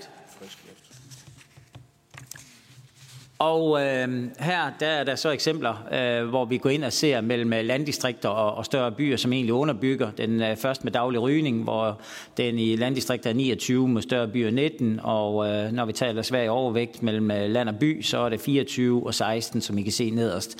Og det er jo så igen i de øh, områder, faktisk i de, man kan sige, de stærke øh, sociogeografiske områder, øh, ude i nummer 4 og 5, vi har med at gøre her. Vi skifter videre igen. Så man kan sige, at øh, der er jo nogle paradoxer i det her, øh, og, og vi har prøvet at, at kigge ind i, at det er jo det er ofte i de områder, hvor man kæmper mest med sundheden i landdistrikterne, og der er selvfølgelig forskel på landdistrikterne, at der er længst til lægen og sygehuset. Øh, og øh, det øh, nødvendiggør jo en politisk handling for at sikre, at vi har et sundhedssystem, der virker og fungerer til stede i alle dele af landet, ikke mindst i landdistrikterne. Øh, og også flere forebyggende indsatser er bestemt også nødvendige, som også det bliver sagt her, men der skal man altså også have fokus på især landdistrikterne, og der er jo også nogle sociale årsager, som, som det blev nævnt. Øh, vi skifter, og så vil jeg øh, gå videre til øh, den sidste del øh, og slide. Det er jo, vi Landdistriktens Fællesråd øh, faktisk tidligere på året øh, var øh, ude med et øh, sundhedsudspil, øh, hvor vi øh, blandt andet så på det øh, faktum omkring nærhed øh, som et øh, bærende princip i fremtidens sundhedsvæsen. Der er selvfølgelig, øh, som også øh, flere andre har, har nævnt, så har alle et ansvar i øh, at finde øh, løsninger og bidrage ind til, at vi får den bedst mulige sundhedstilstand, både i by, men så sandelig også på landet.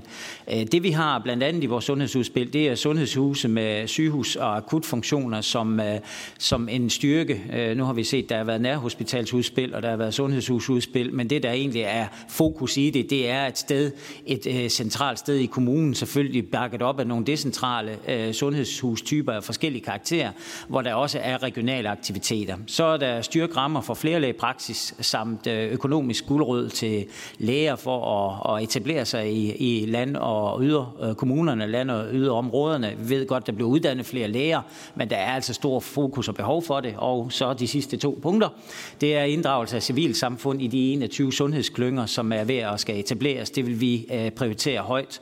Og så endelig også øh, en vigtig ting, vi ikke må glemme, det er også at styrke de økonomiske betingelser for, for landapotekerne, for de spiller faktisk også en rolle og har et netværk, hvor de også kan levere både test og, og andet øh, øh, rådgivning, faglig rådgivning. Tak for det, Steffen. Øh, Peter Velblom har bedt om ordet. Jamen, det var bare lige til det sidste, du siger her, øh, Steffen, fordi altså, ud over de udfordringer, der er i forhold til en geografisk ulighed, er det vel også sådan, at de kommuner, øh, altså der hvor du siger, der er længst til lægen og sådan noget, men det er vel også ofte de kommuner, der også er økonomisk mest presset, altså i forhold til demografien, at det er, øh, det er der, hvor hvad hedder det, andelen af behandlingskrævende er størst, og hvor, hvor andelen af, af, af hvad hedder det, folk i den arbejdsduelige alder, den også er faldende, så der ligger vel også allerede en, en økonomisk udfordring der, at dem, der har den største byrde, i faktisk også dem, der økonomisk mest er trængt øh, på forhånd i forhold til kommunernes økonomi. Ja, værsgo. Øhm, ja, øh, kunne jeg svare ganske kort, men, men suppleret med, at selvom der er lavet en udligningsreform, hvor man har været inde og, øh, og, og prøve at, og kigge på nogle elementer, så er der jo stadigvæk øh, øh, nogle, øh, uh, øh, ja, nogle elementer, der ikke fungerer i det, og, og det er det, jeg hører rundt omkring i blandt vores 55 medlemskommuner i, i Landdistriktens Fællesråd, at det er endnu større udfordring i øh, landet yderkommunerne. Øh, jeg kan bare tage mit eget eksempel. Jeg kommer fra Lemvig Kommune, øh, og der er man stærkt udfordret, selvom man godt ved, det er vigtigt at arbejde med den forebyggende indsats og være tæt på, men øh, ressourcerne skal være til det.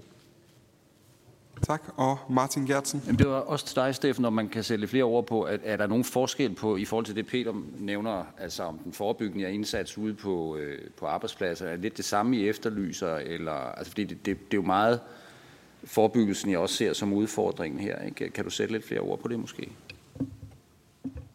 Jamen, øh, ideelt set, så øh, ville det jo være stærkt, hvis man kunne have en meget stærkere øh, udadfaren eller udadgående forebyggende indsats, hvor man øh, blandt andet, som blev nævnt, at man er ude på arbejdspladserne øh, øh øh, og, og, og, og komme ud fra starten af, kan man sige, øh, og møde alle generationer og, og tage hånd om det der på, på den. Øh, men, men det er jo stadigvæk også, det er jo mange aktører, der skal inddrages i det. Øh, øh, det er jo ikke kun kommunen, men kommunen spiller en, en væsentlig central rolle, øh, som er vigtig. Øh, det er også vigtigt, at øh, hvis man skal det her, at man så også, øh, skal man selvfølgelig også øh, opgradere og opjustere, så man også har de faglige kompetencer til, øh, der, der er nødvendige for at kan gøre det. Øh, så det er en stor investering for de kommuner, som som er udfordret. Man gør efter bedste beskub, man kunne gøre mere, og i sidste ende på den rigtig lange bane vil det give god mening samfundsmæssigt for den enkelte borger.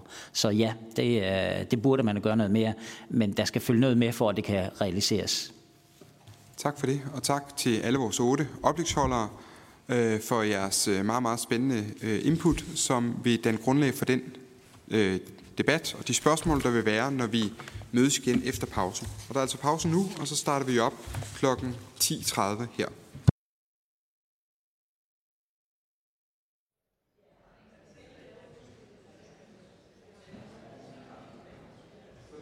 Start op igen. Og nu er der altså mulighed for i første øh, omgang, at udvalgets medlemmer kan øh, stille spørgsmål til vores oplægsholdere, og øh, efterfølgende også, at vi kan inddrage øh, andre deltagere. Er der nogen, der har lyst til at byde sig på? Ellers vil jeg selv øh, lægge ud. Jeg sidder og planlagt et spørgsmål her i pausen. så kan I andre jo lige komme på bagefter.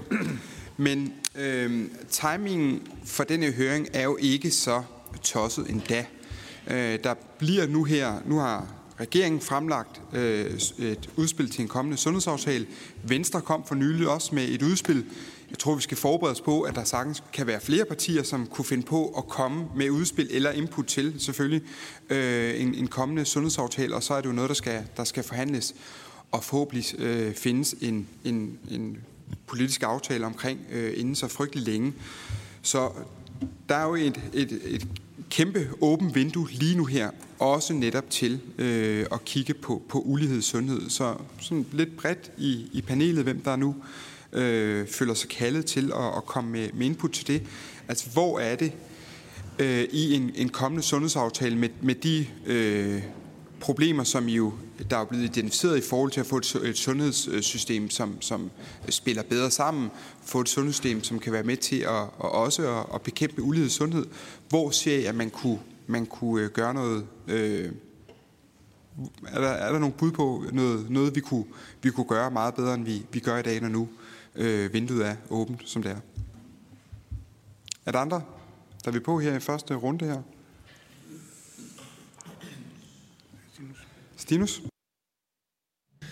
Tak. En af de ting, der blev peget på øh, fra flere øh, af jer, det var jo vaner, sundhedsvaner. Der blev nævnt tobak, der blev nævnt alkohol, der blev nævnt kost. Nu har vi jo for, hvad er det, halvandet år siden, tror jeg det var, øh, vedtaget en handleplan mod øh, rygning. Øhm, der kommer vi jo nok så langt, vi kan komme øhm, på, på det spørgsmål nu og her i hvert fald. Det næste er jo selvfølgelig alkohol, som vi jo skal diskutere her i efteråret. Der kommer lidt forskellige meldinger fra forskellige partier, men øh, egentlig ret bredt i panelet. Hvad, hvad ser I, hvordan ser I på, på alkohol som en del af, skulle sige, som en del af løsningen, skulle jeg til at sige, det lyder forkert. Øhm. Hvilke greb skal vi tage i forhold til alkoholpolitik for at komme noget af uligheden i sundhed til, til livs? Hvis I kommer nogle indspark til os, der sidder her. Tak. Vi tager lige et spørgsmål mere her i første runde. Det er Martin Gertsen. Sådan mere på den overordnede klinge. Øh, jeg synes, det her er vældig super, super øh, interessant, øh, og jeg kan sagtens se øh, de udfordringer, der er både på det strukturelle og, og det sådan mere hands-on i, øh, i sundhedsvæsenet. Er der nogen af jer, der har en eller anden holdning til, at om vi kan risikere at få slået et for stort brød op her? Altså fordi øh, ulighed i sundhed kan jo handle om dusinvis af, af, af spørgsmål. Og når jeg spørger, så er det, fordi jeg kan være lidt bekymret for, at, at vi øh, diskuterer i alle mulige retninger, og måske til syvende og sidst ender med ikke at få gjort noget ved noget af det. Altså, øh, og jeg har sådan en eller anden, jeg, jeg ikke, evner ikke selv øh, at komme ned i trakten, men det kunne være, at I kunne hjælpe med det. Øh, altså, at vi på et eller andet tidspunkt ligesom bliver nødt til at, at gå lidt mere til bidet i forhold til at sige, nu er det så det her, vi ligesom kaster os over, ikke? Altså, fordi ellers så bliver det bare ved snakken. Øh, Jamen, det er måske mere sådan en, en, en principiel, øh, et principielt spørgsmål til dem, der måtte have lyst til at reflektere over det. Tak for det. Skal vi lige nå Kim Aarhus med os? Første runde. Værsgo, Kim. Ja, tak. Altså som Martin lige sagde, det er jo et enormt komplekst, altså tak for alle de her gode oplæg. Det er et enormt komplekst område, vi, vi snakker om her i dag. Og, øh, og noget af det, som jeg, nu er jeg selv skolelærer, som øh, i min hverdag normalt. Og øh, det, det som jeg synes, der, der, der bliver sagt rigtig meget det her med, det er det med kommunikationen. Hvordan er det, man får kommunikeret, når man, er, når man når til, øh, at man bliver syg, eller man bliver for andre udfordringer. Og den her forskel, der er mellem, øh, hvis man kommer fra, fra det ene eller andet vilkår i livet, kan man gøre et eller andet der? Altså, jeg har selv øh, jeg sad, stod og snakket ude på gangen her omkring det der. Hvordan kan man eventuelt øh, bruge øh, skolevæsenet, altså folkeskolen, og måske endda tidligere til at få lært vores, vores børn og unge om, hvordan man kommunikerer, hvordan man forholder sig i det, den, det sundhedsvæsen, man nu en, er en del af og vil komme til at ramme på en eller anden måde. Kan vi gøre noget tidligt der? Fordi vi, vi er, som, som, som Martin Gessen også sagde, vi kan jo slå mange brød op, men, men vi skal jo starte et eller andet sted, og kunne det være omkring det her med kommunikation? Hvordan er det, vi både sundhedsvæsenet kommunikerer, men også hvordan vi som øh, borger øh, kan tage imod den her kommunikation. Tak. Og vi tager også Anne Honoré Østergaard med. Værsgo. Ja, jamen tak for det, og mange spændende indlæg. Øhm, nu kunne jeg ikke lade være med at øh, et at bide mærke i, at I mænd, I skal selvfølgelig være gode ved os kvinder, fordi vi er her længst, øh, så det, det er et godt, velmenende råd. Øh, men udover det, så øh, er, er det her jo indlæg fra professor... Øh, professor, den ene og den anden, og hvad, hvad, hvad, hvad øh, og, og jeg, jeg sidder sådan lidt og tænker på, øh, når, man, når man hører jer tale, hvilket er godt og korrekt og alt muligt, øh, men med et likstal, der måske er lidt højere end, end, øh, end hvad det normalt skal være på. Og det, det er sådan lidt klassificeret inden for sundhedsvæsenet. Det er, at, øh, at man er ret god til at, at, at bruge store ord, øh, som mange nok ikke altid forstår. Øh, hvordan Altså et er, at I mænd, når vi endelig får jer hævet til lægen, hvilket er øh, svært nok i sig selv, at de så også forstår det, det der så bliver sagt. Altså, hvad, hvad, hvad, hvad tænker I om det, vi kan gøre ved det? Samtidig med, øh, så sidder jeg sådan lidt og tænker på, øh, vi har talt meget om, at man, skal, man måske skal have en ven i sundhedsvæsenet eller et eller andet. Øh, kunne man øh, lave et mentorkorps eller et eller andet med nogen, der kan tage med ind og stille de spørgsmål, som man så hjælper øh, øh, patienten med at forstå de ting, der er der i. Og hvis ja, hvor skulle det så ligge hen? Altså ved kommunerne har man nogle steder en, en borgerrådgiver, men, men, men hvor, hvad, hvad tænker man om om det, for, for at man ligesom kan hjælpe. Fordi et er, at vi skal have øh, folk til lægen i de tide. Noget andet er, så skal de jo så også kunne forstå, hvad der bliver sagt. Og det er ikke altid, det sker. Tak for det. Vi starter med Henrik. Værsgo.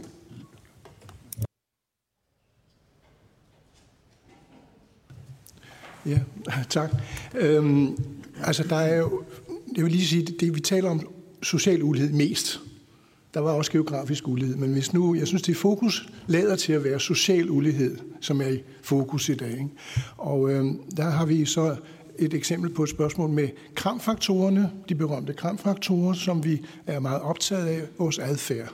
Og så bare lige en kommentar til det første spørgsmål, nemlig alkohol. Altså der er blevet lavet en indsats, en god indsats mod rygning. Den påvirker rygeprævalensen for alle øh, mere eller mindre, og spørgsmålet er så, hvor meget den slår igennem i forhold til socialgrupperne. Så er der alkohol. Ja, der skal jo også gøres noget. Det morsomme er bare her, hvis vi taler om social ulighed, så er alkoholforbruget jo ikke øh, socialt ulige fordelt.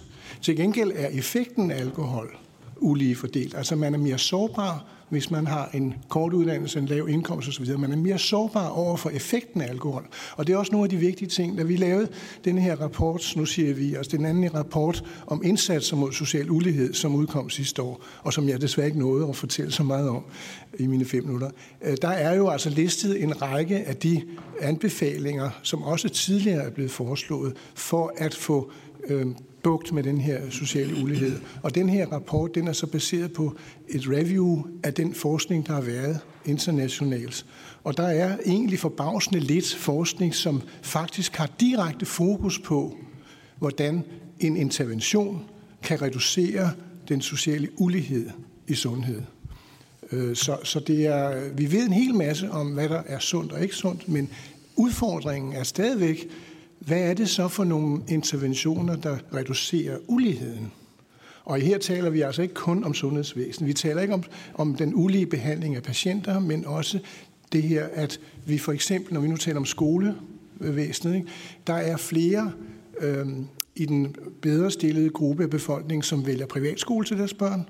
De bor i mere adskilte områder. Det vil sige, at vi får ikke børnene blandet så jeg nævnte det også før, vi får ikke børnene blandet, vi får dem skilt ad. Og hvis der er noget, der er usundt for en opvækst, så er det, at man bliver ladt til, tilbage i en bestemt lidt snæver gruppe, fordi man får ikke udviklet de kompetencer, der skal til, for at man trives som, som barn og senere som voksen.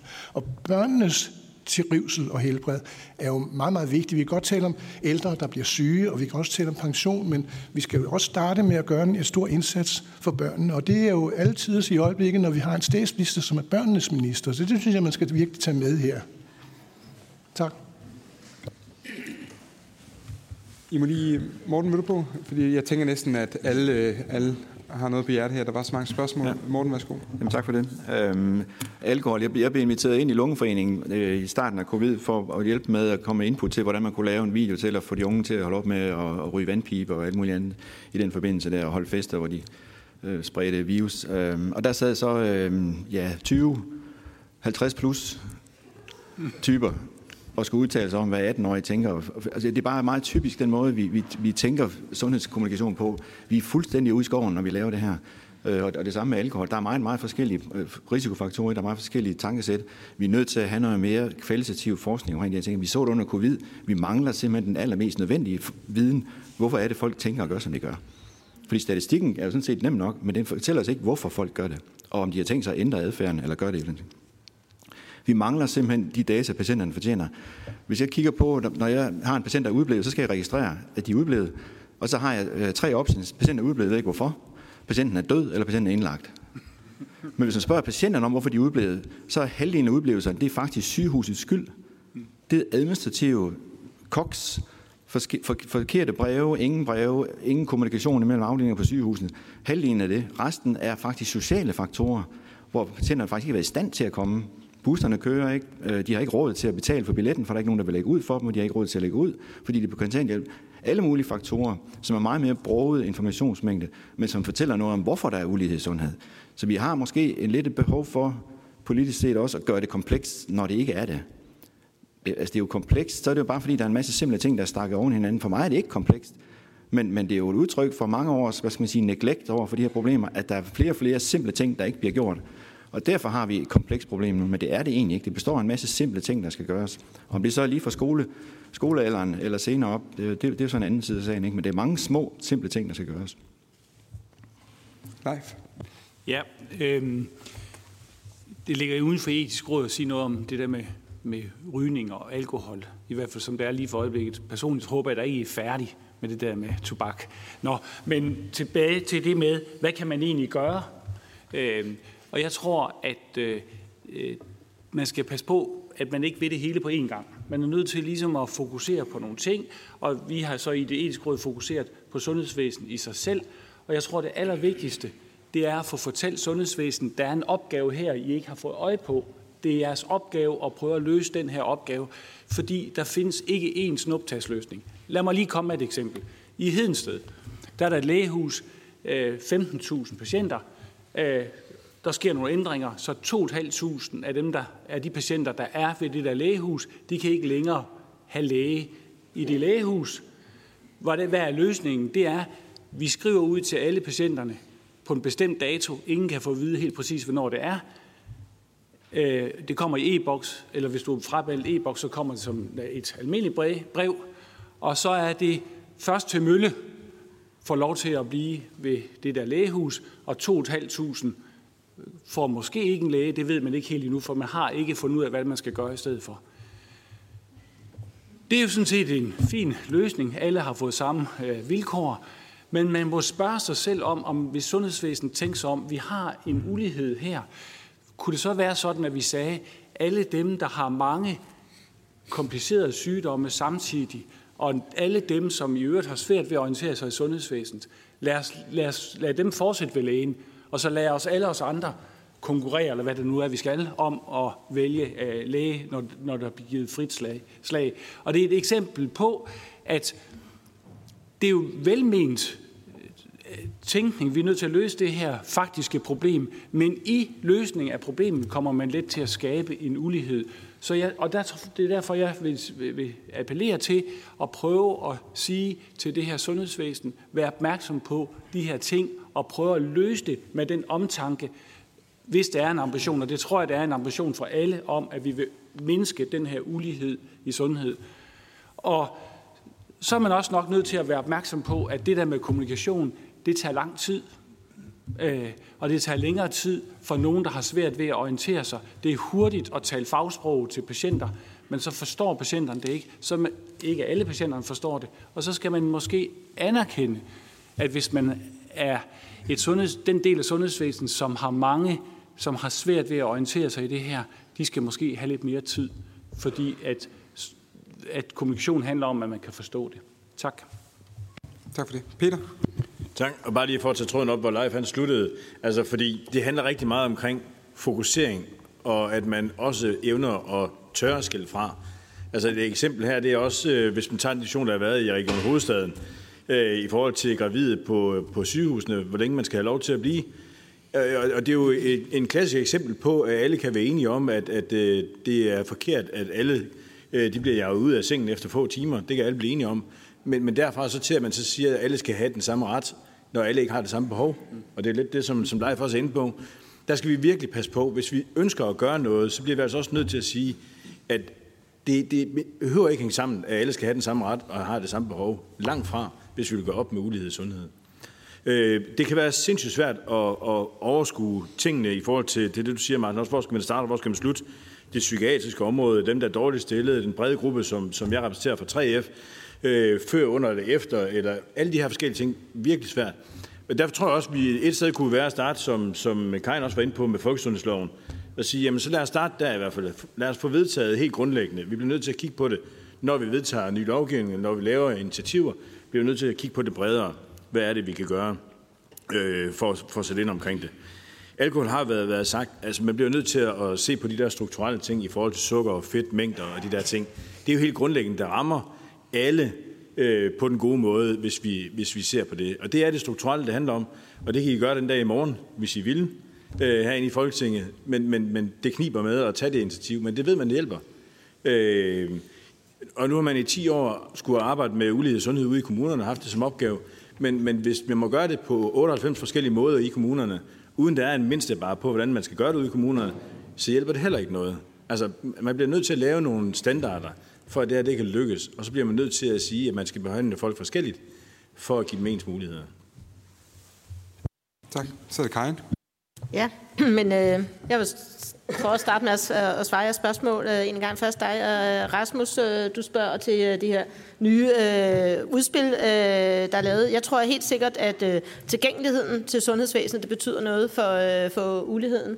Øh, og, og jo mere man kommer ud og gør, øh, gør sundhedsvæsenet lettere tilgængeligt, for eksempel i, øh, i sundhedshuse, øh, centre, nærhospitaler, hvad man kalder dem, men også almen praksis, øh, at vi sørger for, at øh, at det er tilgængeligt. Vi kan se, hvordan det lykkes for Søren Brostrøm, når han tager ud i en moské og vaccinerer, så, så lykkes det jo. Så, så, så det med, at man er i nærmiljøet, øh, betyder øh, noget, også i forhold til det her med øh, at reducere uligheden. Øh, så spørger Stinus omkring alkoholpolitik. Øh, Ja, øh, vi har jo øh, i danske regioner øh, øh, klar øh, målsætning om, at vi skal have en bedre alkoholkultur øh, i Danmark. Øh, tror, de fleste her også godt ved, at jeg har været ude også at tale for en 18-års salgsaldersgrænse. Det er en af tingene. Der er rigtig mange andre ting, man også kan gøre. Jeg synes, man skal se på, på det hele. Hvad kan vi gøre for at bedre øh, kulturen? Det er også det, vi arbejder på i danske regioner. Og det gør vi jo, fordi at vi, altså, det er bedre folkesundheden ved at bedre den primære forebyggelse, det er også med til at reducere ulighed i sundhed. Martin, du spørger noget omkring, øh, om vi kan komme ned i trakten med et øh, forslag. Øh, ja, jeg kom jo med den her folkesundhedslov, som også bliver øh, bakket op, og det er jo netop med henblik på at øh, indføre noget systematik og forpligtelse øh, hele vejen rundt lidt ligesom, jeg, jeg, jeg tænker det selv lidt ligesom vi, vi gør på klimaområdet, at sige, der er også så masser, masser af ting, man kan gøre og bør gøre og, og så videre, men, øh, men vi må ligesom forpligte alle andre også til at, øh, at tænke det ind. Øh, det er lidt det, der er målet med det. Man kan også godt, øh, der har også været talt om øh, sundhedstjek. Vi har jo fra Danske Regioners side foreslået, eller faktisk aftalt med praktiserende læger sundhedstjek en gang årligt på bostederne. Det er så en meget smal øh, altså, øh, gruppe øh, borgere, men, men holdningen er jo også lidt, at hvis vi gør det, så skal vi så, så det er en kæmpe ting, vi ruller ud. En ny screening faktisk. Vi skal være sikre på, at det virker. Øh, så det skal være målrettet, og der skal være evidens for, at, øh, at vi ved, at vi får, vi får noget ud af det. Øh, og så er der øh, både Kim og Anna inde på omkring det her med kommunikation, øh, og selvfølgelig har vi et øh, kæmpe ansvar i øh, sundhedsvæsenet for, at når vi kommunikerer, at det også bliver forstået. Øhm, så, så det er jo et, øh, øhm, en, en stor opgave, som jeg ikke tror, jeg, jeg vil ikke sige, at vi er i mål med den, men, men, men hele den her, altså altså vi prøver at tale, at kommunikere helhedssyn, også politisk sige, det er det, vi ønsker i vores sundhedsvæsen, men også fleksibilitet, fordi det er, som der også bliver nævnt, ikke alle, der har samme behov. Så lad os nu tilpasse løsningerne efter behovene. Lad os sige, at hvis der er nogen, der har været inde, hvor man er lidt i tvivl, øh, hvor meget fik de egentlig ud af den samtale, jamen så lad en sygeplejerske ringe op dagen efter og lige følge op. Øh, sådan nogle ting kan man gøre. Ja. Tak. Så Claus. Øh, par små nedslag. Øh, det ene, det er, det er sådan den brede invitation, du giver til sådan at kommentere på, på, på sundhedspolitik generelt. Og det er ikke for at, at starte en en debat heroppe, men, men øh, jeg vil sige, på danske patienter, der er vi noget bekymrende, hvis, øh, hvis jeg forstår problemstillingerne i, i øh, udkantsområderne og landdistrikter. Men jeg vil stærkt appellere til, at det ikke bliver nærhed, der bliver det bærende princip. Altså jeg mener, vi må fastholde en kvalitetsdimension i det her. Så det er bare sagt, at, at, at det må være det afgørende. Det er, hvad det er, er vi gør, og, og, og øh, nærhospitaler sagt til jer, der har lille S bagved. Altså det øh, tenderer jo at være falsk varebetegnelse, så jeg synes, man skal diskutere, hvad skal der ind i de øh, lokale huse, for problemstillingen er der i forhold til at dække noget lokalt. Det, øh, det er det ene. Og så omkring kommunikation, der vil jeg godt referere en lille undersøgelse, som i og for sig ikke har noget med social ulighed at gøre, men mere patienternes oplevelse af kommunikation i væsen har vi lavet i danske patienter og spurgt øh, cirka 1000 kroniske patienter, og det er altså defineret ved, at de har et forløb, der er længere end 6 måneder. Og det, de alle sammen melder, det er jo, at de i forbavsende ringe grad bliver spurgt, hvordan de egentlig har det, når de er inde i væsenet.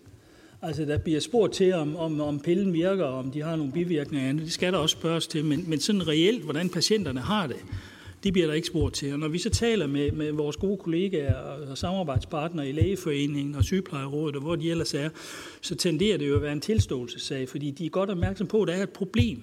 Og der tænker jeg i hvert fald, noget af det, man skal have opmærksomhed på, det er, at vi kan ikke bede sundhedspersonalet om at spørge, hvordan man har det, hvis ikke de har nogle tilbud i forhold til dem, der så måske åbner op Anne, og siger, jeg har det faktisk af helvede til. Altså vi kender det jo sådan personlige relationer, hvis man møder nogen, man ikke har mødt i lang tid. Har du det godt, ikke? Og vi forventer alle sammen svar, ja det går fint. Ikke? Vi bliver sgu forskrækket, når de siger, nej det går sådan set af helvede til, ikke? fordi så ved vi ikke rigtigt, hvad vi skal stille op med det. Og det tror jeg virkelig, at der er et, der er et eller andet i sundhedsvæsenet.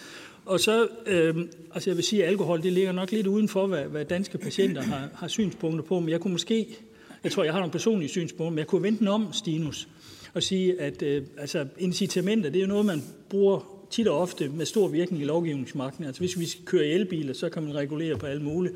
Hvis man skal ryge færre cigaretter, så kan vi også alkohol. Det kan så være det næste. Men, men kunne man overveje politisk i Folketinget, at noget af det, vi ved, der er sundt for befolkningen, at vi gav nogle incitamenter.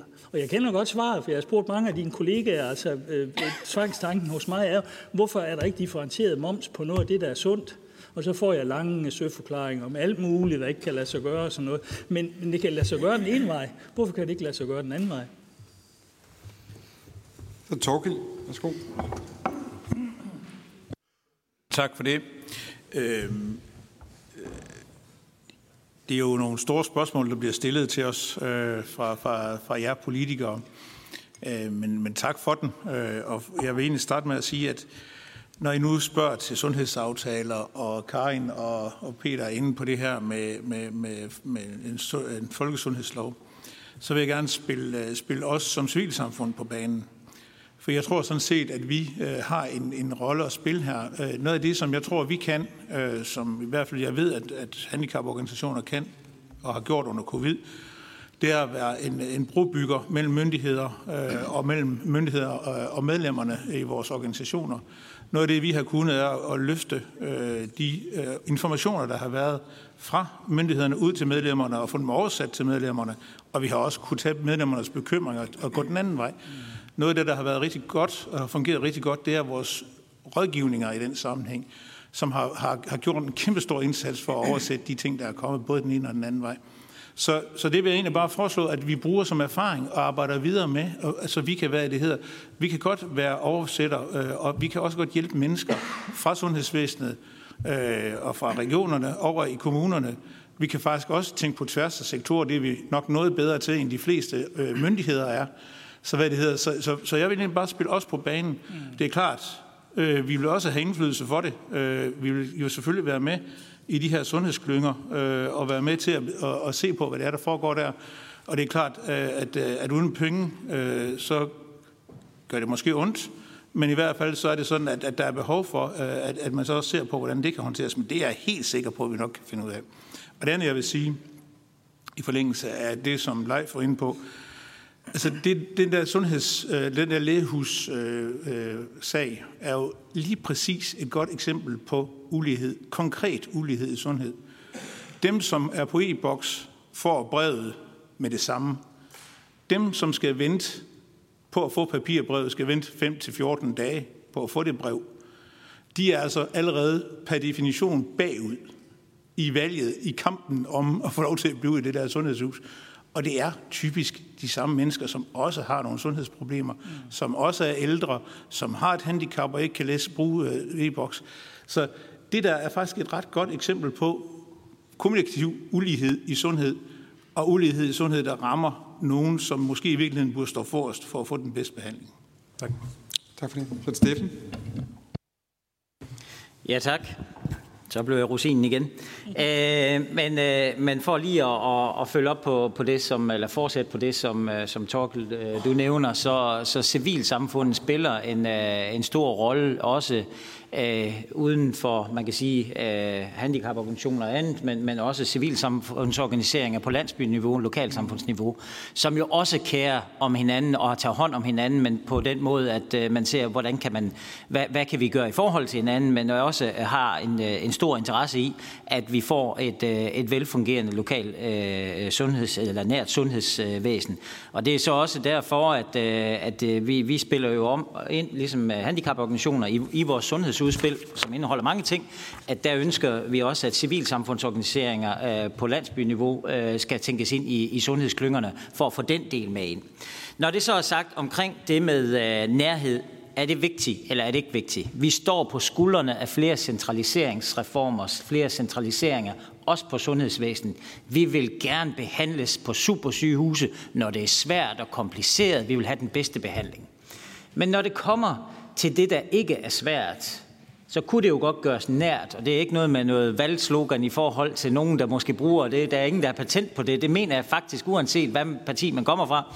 Jamen altså, det, der ikke er svært, det burde kunne klares nært også nogle frakturer og noget andet, som du ikke behøver. Ja, ganske ukompliceret. Så det, når vi siger i fællesrådet, at der er visse hospitals- og akutfunktioner, der kan klares, så er det det, hvor det ikke giver mening, at man skal transporteres 80 km. Øh, det kan også være nogle opfølgende samtaler, som lige så godt kunne foregå i en, nær, i en lokal sundhedshus eller nærhospital, navnet underordnen, hvor der måske er en ekspert fra supersygehuset og en, og en, og en sundhedsfaglig personale, en sygeplejerske eller noget andet, der er med til at oversætte, hvad det er, der bliver sagt til den patient, der nu er inde til den opfølgende samtale. Der er mange ting, der kan tænkes ind, så derfor giver det mening, at det er kommunernes sundhedsfunktioner, øh, øh, øh, også øh, hele den forebyggende indsats, sammen med nogle regionale funktioner, øh, sammen med almen praksis nogle steder, man tænker ind. Det giver også nogle spændende arbejdsmiljøer, hvor du kan tiltrække de faglige personaler på tværs.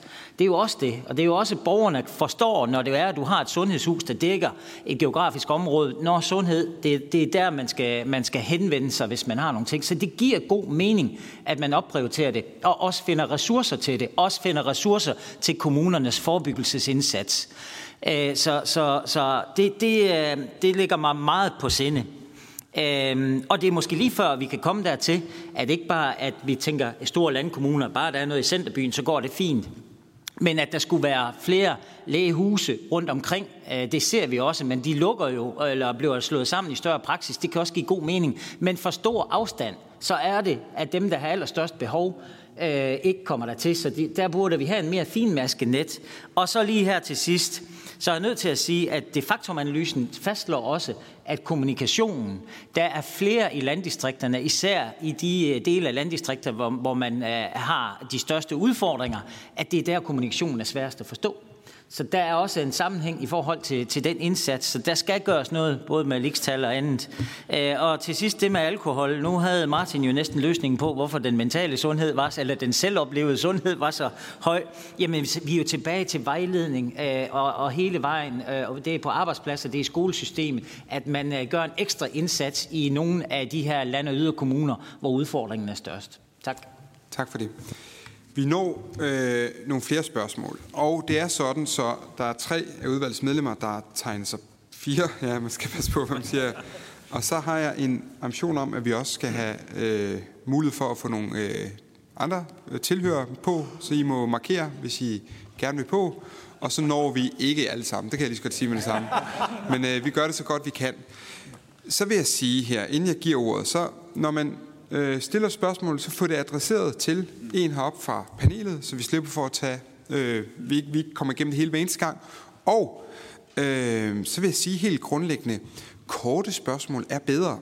Ikke bare fordi der så er plads til flere spørgsmål, men fordi så fokuserer man lige præcis, hvad det er, man gerne vil have svar på.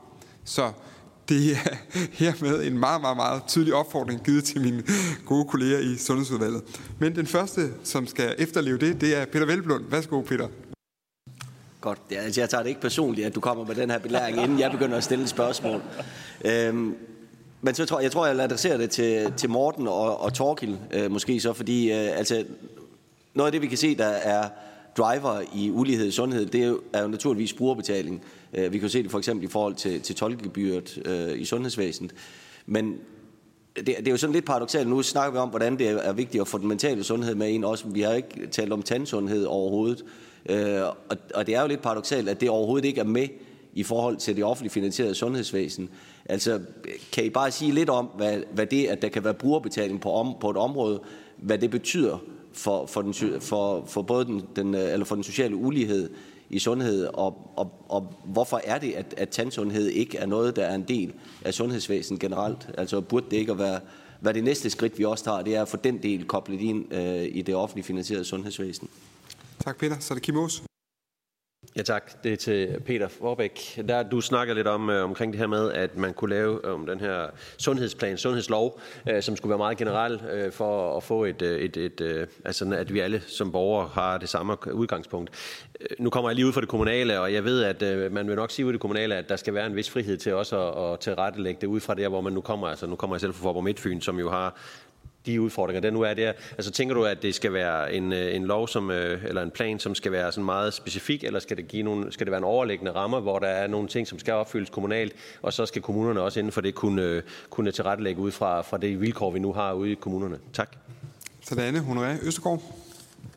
Ja, øh, jamen så vil jeg gerne rette mit spørgsmål til Claus, tænker jeg. Øh, det er fordi, jeg kan se, at vi er optaget af noget af det samme. Der står her, sundhedsvæsen, struktur, kultur og ydelser skal gavne alle, uanset navn, titel og postnummer. Jeg bor i øh, Aalborg Kommune. Øh, Aalborg Kommune havde jo den øh, udsendelse for et par år tilbage med hensyn til Hasseris versus Aalborg Øst, hvor øh, gennemsnit, der er 10 km forskel øh, i geografisk afstand. Gennemsnitsalderen er 10,5 år. Øh, det men meget sådan, som hvad jeg forstod udsendelsen om, det var jo ligesom, at man faktisk stadigvæk ikke kunne forstå, hvad filerne blev sagt, når man kom hen til sundheds... Enten de her mennesker, de skulle trækkes hen til sundhedsvæsenet, og når de kom, så, så, så kom budskaberne ikke ind. De blev i hvert fald ikke efterledet, de blev ikke noget som helst der. Og jeg er meget interesseret i, hvad filen gør man der? Julie Skovsby. Tak for det. Uh, flere har været inde på, at tilpasse ydelserne efter behov og øh, kommunikation. Og, øh, og jeg, tror, jeg tror, det var Leif, der sagde, at faglig kommunikation er nemmere. Jeg har også øh, hørt, at det at lytte kræver mere energi end det at tale. Øhm, og, øh, og, men det jeg så vil spørge ind til, det er, er sandheden så ikke, at rigtig god kommunikation at det faktisk også koster flere penge og koster flere ressourcer. Øhm, ja, det er mit spørgsmål. Og Martin Kjærsen. Og tak. Det, det er til, jeg tror måske mest det er til øh, Torkil og, og, og Steffen. Jeg er også selv meget sådan optaget af det der med, kan man inddrage civilsamfundet noget mere?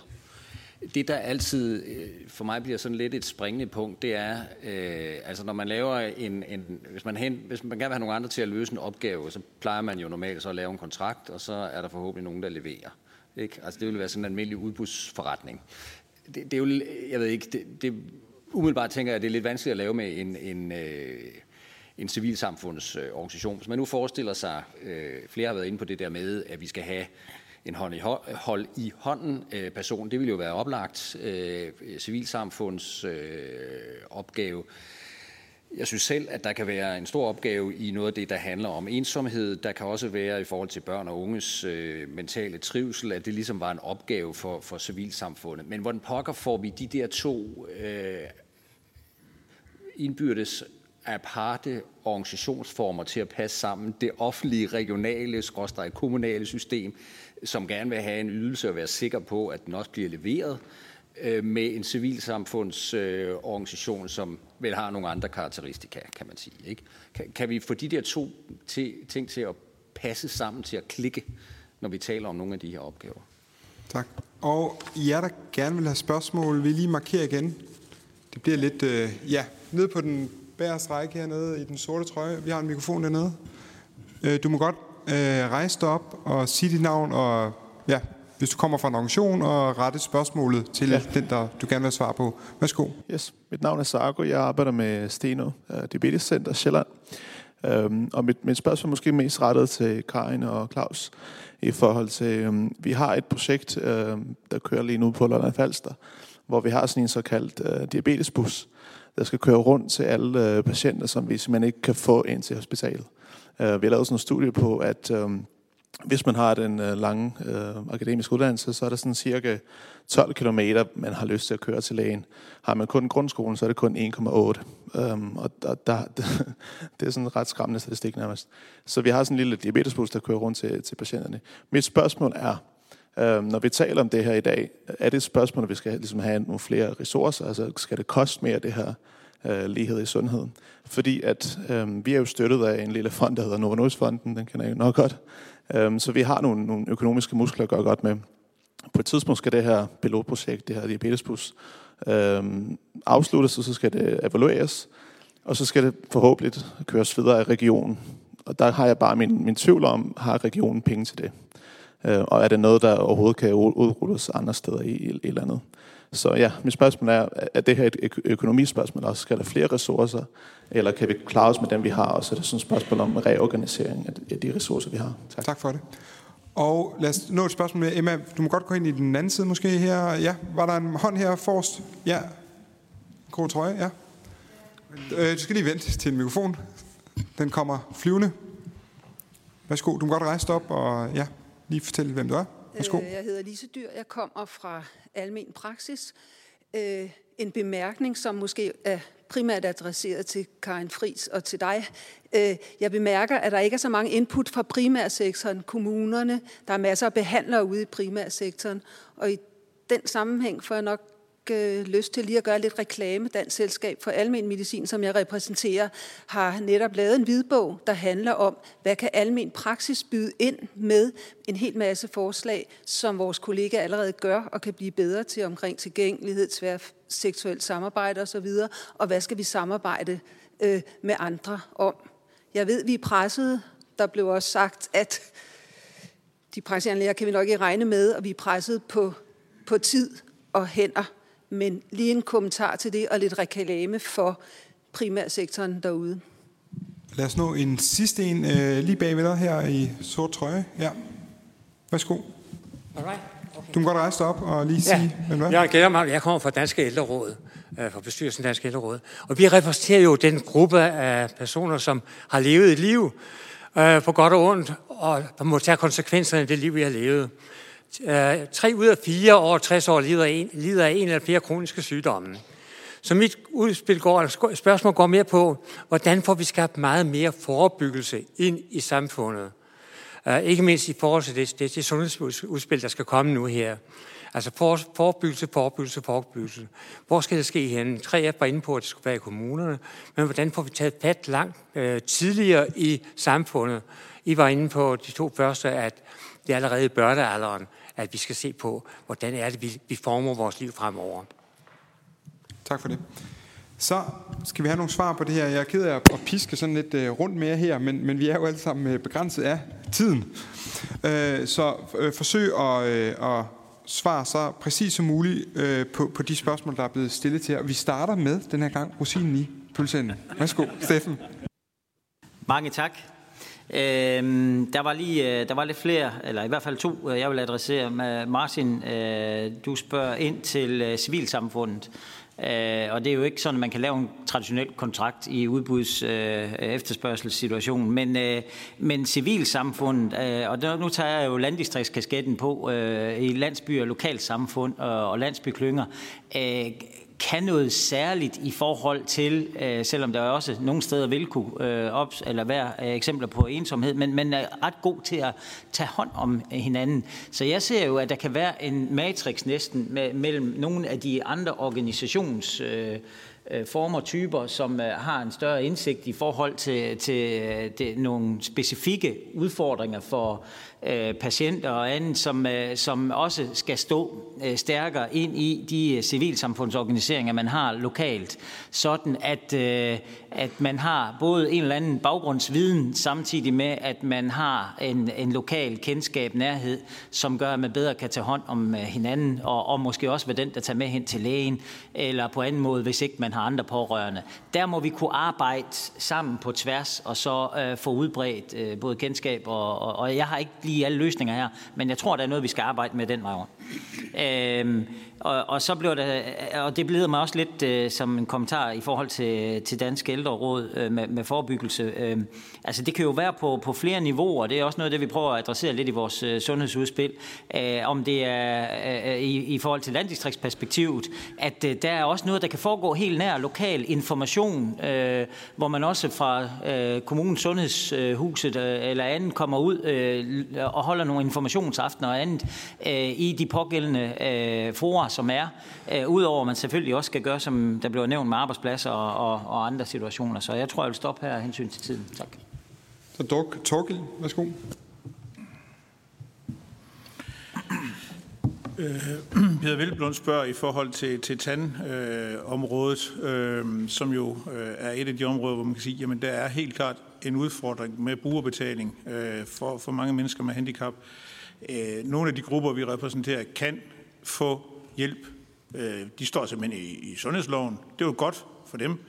Men der er også øh, rigtig mange andre, som ikke står i sundhedsloven, hvor det øh, for eksempel at have cøliaki øh, og giver nogle tandproblemer, øh, som, kan, som kan betyde nogle rigtig store øh, ekstra udgifter, eller en bestemt form for medicin, hvis man har en psykisk lidelse, kan betyde nogle rigtig store øh, udgifter, som man måske slet ikke har, har mulighed for at betale.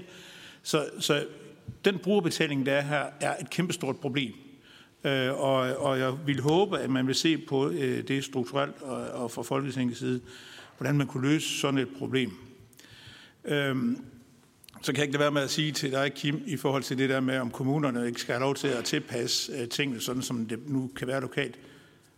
Med min erfaring fra socialområdet, så er svaret nej.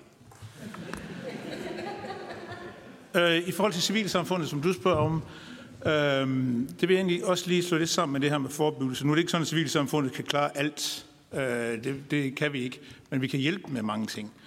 Øh, forebyggelse for eksempel, Øh, indtil den 1. april var jeg formand for Dansk Blindesamfund, øh, og noget af det, vi gjorde, øh, inden jeg holdt op, det er måske derfor, jeg holdt op, øh, kan man sige, men vi, så, vi, vi havde en undersøgelse, der viste, at rigtig mange af vores medlemmer er fede.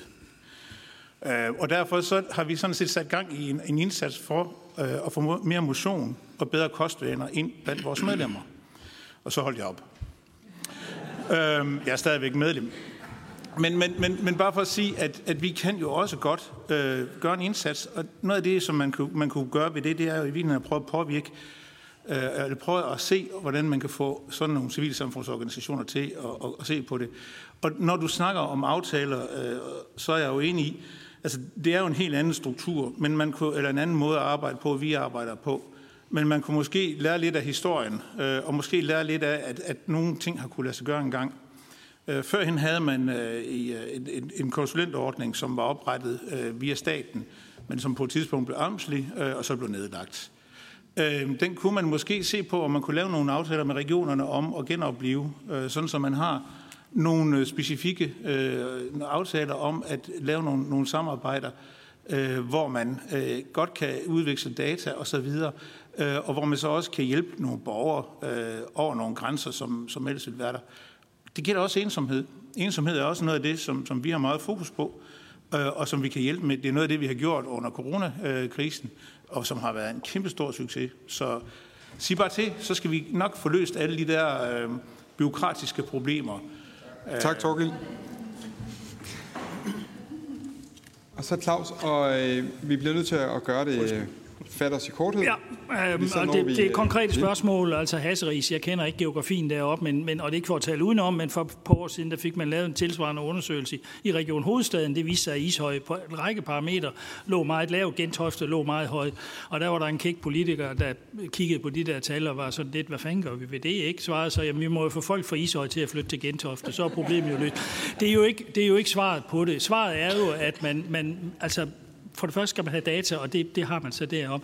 Og så mener jeg, at der må være nogle tilbud, som øh, man overprioriterer de områder, der er socialt belastede. Og det kunne være noget med praktiserende læger, som måske ikke skal have så mange patienter i, i deres praksis. Fordi noget af det, som...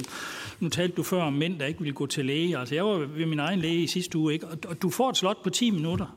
Og det vil sige, at der er jo ikke meget at fortælle om, hvis du har mere end en dårligdom. Og det er jo også noget, patienter efterlyser. Det er, at man kan gå til lægen og, og, og bidrager med. Jeg mener så også, at der må ligge noget på den kommunale indsats her, at man prioriterer de områder.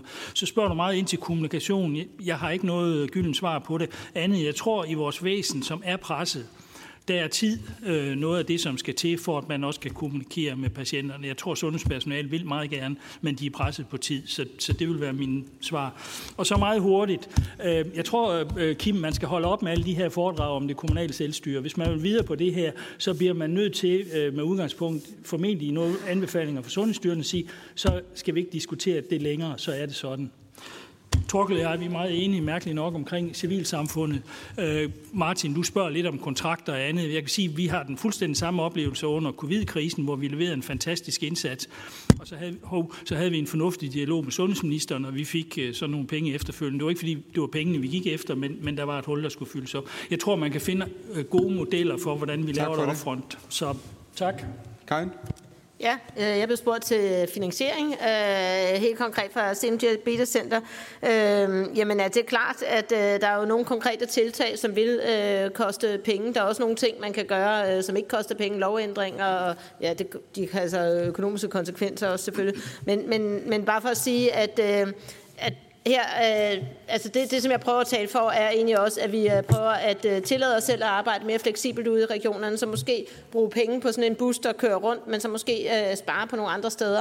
Øh, vi er jo heldigvis ikke underlagt det her krav om en vis aktivitet længere, så det gør jo også, at der er nogle øh, ting, vi kan skære væk, øh, hvis ikke det er nød, øh, nødvendigt, øh, og det ser vi jo hele tiden på.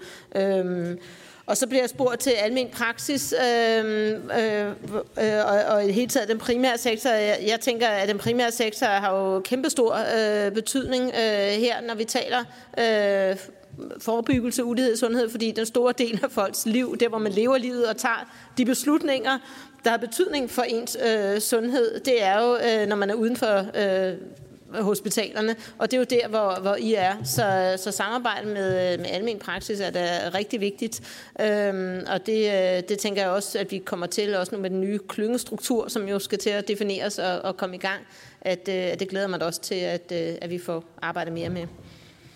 Tak for det. Peter? Ja, først lige to ord omkring tandlæge, selvom ikke det var målrettet til mig.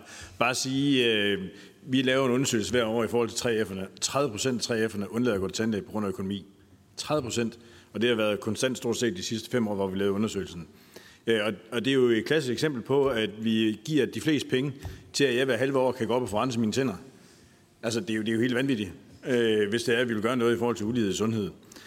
Så bare 30 procent af vores, og det er jo ikke engang dem, der har den dårligste indtægt en dag i samfundet. Altså. Øh, folkesundhedslov, nu har jeg selv fornøjelsen af at være kommunalbestyrelsesmedlem ude i, i Høje Tostrup, så det er nok afhængigt af, hvad for en, hvad for en hat jeg er på. Øh, men, men reelt set, så bliver man jo nødt til at, at sikre sig, og det var også det, jeg sagde, at når forbyggspakkerne, de for eksempel skal være krav til kommunerne frem for bare gode råd, så bliver det nødt til at være mere. Og der er jeg sådan set fuldstændig enig i, i det, der ellers sagt. Det bliver det simpelthen nødt til at være. Men det kan jo så gøres på mange måder. Altså, da vi lavede en sundhedsstrategi sidste uge i Højtosk Kommune, så forpligtede vi alle udvalgene i, øh, i byrådet til at skulle spille ind og forpligte sig til, hvad for nogle mål de vil følge op på. Så teknikudvalget og øh, skole- og institutionsudvalget osv. bliver også forpligtet til at sætte nogle mål i forhold til, hvad de vil gøre for at løfte sundheden. Og det er jo også en måde at gøre det på. Øh, der er gode erfaringer i forhold til det med folkesundhedsloven, i forhold til, hvordan man gør det i Norge, som man sagtens kunne implementere stort set øh, uden videre i, i Danmark. Tak for det. Leif, værsgo.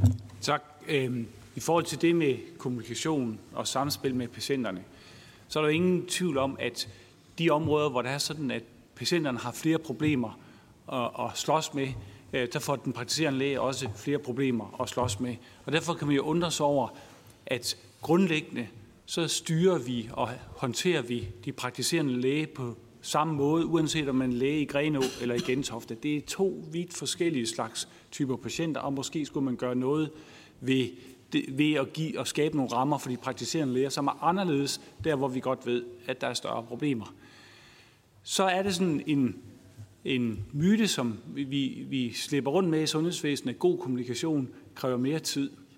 Øh, der er sådan en stor sundhedsorganisation i USA, som mange var over for at besøge Kaiser Permanente, og de fortalte en gang, at det der med at stille åbne spørgsmål til patienterne, det sparer tid. I Danmark er logikken lidt den modsatte.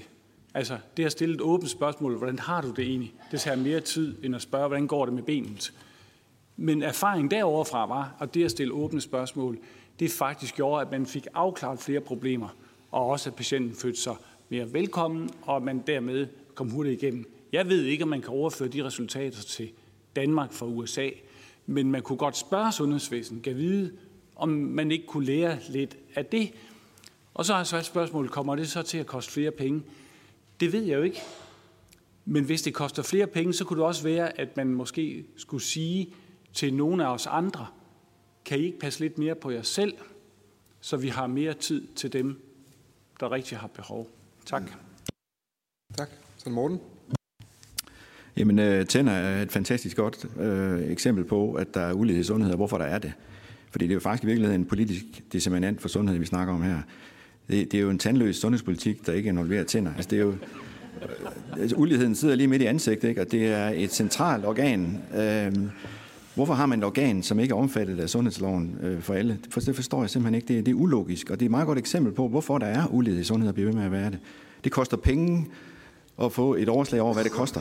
Altså det er dyrt at få at vide, hvor dyrt det bliver at få lavet de her tænder. Så allerede der er der enorm social ulighed. Der er ulighed i, hvor længe og hvor meget børn får børstet tænder. Der er social ulighed i tandbørstning. Jeg kunne blive ved. Jeg er social, eller infektionsmediciner og har lige siden 89 behandlet knogleinfektioner og hjerteinfektioner. Og hver gang vi ikke kan finde det, så sidder det i tænderne. Ikke? Det sidder altid i tænderne, og de er hammerne dyre infektioner. De koster altså på, på livskvalitet, og de koster dyrt i medicin og indlæggelser det der regnestykke, jeg tror simpelthen ikke, det regnestykke er lavet politisk set. Det er ude i sundhedsvæsenet, men det er ikke inde i det politiske univers, fordi man ikke mener, at tænder hører til kroppen. Så vil jeg sige, at øh, Københavns Kommune er lige nu ved at lave en kraftplan, hvor de har lavet en spændende proces, hvor man har, har inviteret altså en frontlinje kraftansatte øh, og patienter ind, sådan 50-50, til at lave nogle forslag til kommunen om, hvordan man gør det her bedre. Det var super gode forslag. 9 ud af 10 gode forslag kom fra patienterne. Vi er simpelthen nødt til at spørge patienterne bedre om, hvad er det, I egentlig har behov for. Og de havde behov for en, en kraftsundhedsplejerske, samme model som, som børnesundhedsplejersker. Kræftpatienter har brug for en til at læne sig op af og støtte sig op af, fordi der er så meget faglighed, det går vanvittigt hurtigt. Bare et eksempel på, hvad patienterne kan bruges til, når man spørger dem. Man er nødt til at spørge dem. Tak. Tak. Henrik, værsgo. Jeg er enig i, at området er vigtigt, og der er lavet forskning, der viser, at det ikke bare er det, at man skal betale, men altså også effekten af det. For eksempel igen blandt børn. Øh, der kan vi se i Danmark, at uligheden er steget på grund af øh, øh, den her formentlig på grund af den her betalingsordning. Jeg synes også, jeg kunne have lyst til, at, i forlængelse af Leifs indlæg lige før om en undersøgelse i USA, der blev lavet en massiv indsats i England for nogle år siden, hvor man gik ind og lavede altså en meget omfattende, øh, kompleks intervention i de 20 procent fattigste områder i England. Inden man gik i gang med det, der så man, at forskellen i levetid voksede, altså mellem de 20 procent fattigste og resten af England voksede og voksede og voksede. Så lavede man en massiv indsats, den varede nogle år. I den periode, hvor den her indsats øh, altså den foregik på alle mulige områder. Det var civilsamfund, det var erhvervslivet, det var skoler, det var alt, hvad man overhovedet kunne samle i det lokale samfund til at løfte øh, trivsel og sundhed. I den periode, der faldt forskellen i noget så diffust som middellevetid. Den faldt. Så kom der en ny regering, så sløjfer man det der, så begyndte den at stige igen. Det er bare for at sige, at det er meget komplekst, det er meget krævende, og det skal holdes ved lige. Altså man kan ikke bare sige, nu har, vi, nu har vi gjort noget i fem år, nu kan vi godt bare lade tingene foregå, som de plejer. Man skal holde fast i sådan nogle initiativer. Og der skal altså massiv investeringer til. Og så det der med, jamen hvad koster det? Jo, men altså det kan jo godt være, at det faktisk er en på lang sigt en besparelse for samfundet, fordi man får en sundere befolkning, og en sundere befolkning er mere produktiv og koster ikke sundhedsvæsenet så meget. Så man skal også passe på med det der, at man hele tiden tænker i omkostningen ved at lave nogle forbedringer, at man ikke overser, hvad det så også vil give af gevinst, både for den enkelte helbredsmæssigt og også for samfundsøkonomien. Tak. Tak for det. Vi er ved vejs ende med den her konference nu. På udvalgsvejen vil jeg gerne takke jer oplægsholdere for at komme og dele ud af jeres viden og jeres øh, synspunkter og jeres idéer, som vi kan tage med videre i vores politiske arbejde. Det vil vi gøre. Det er et stort og vigtigt stykke arbejde, der ligger lige foran os, øh, som så meget andet, som også ligger lige foran os, vi skal, vi skal i gang med, når vi så har fået lavet en sundhedsaftale forhåbentlig på et tidspunkt. Men tak for det. Øh, det sætter vi meget, meget stor pris på.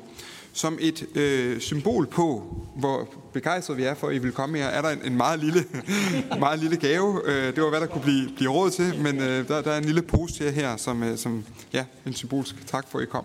Men øh, det var alt fra konferencen her. Alt, der er blevet sagt og givet videre her, øh, vil også komme til at ligge på Folketingets hjemmeside. Ha' en god dag alle sammen.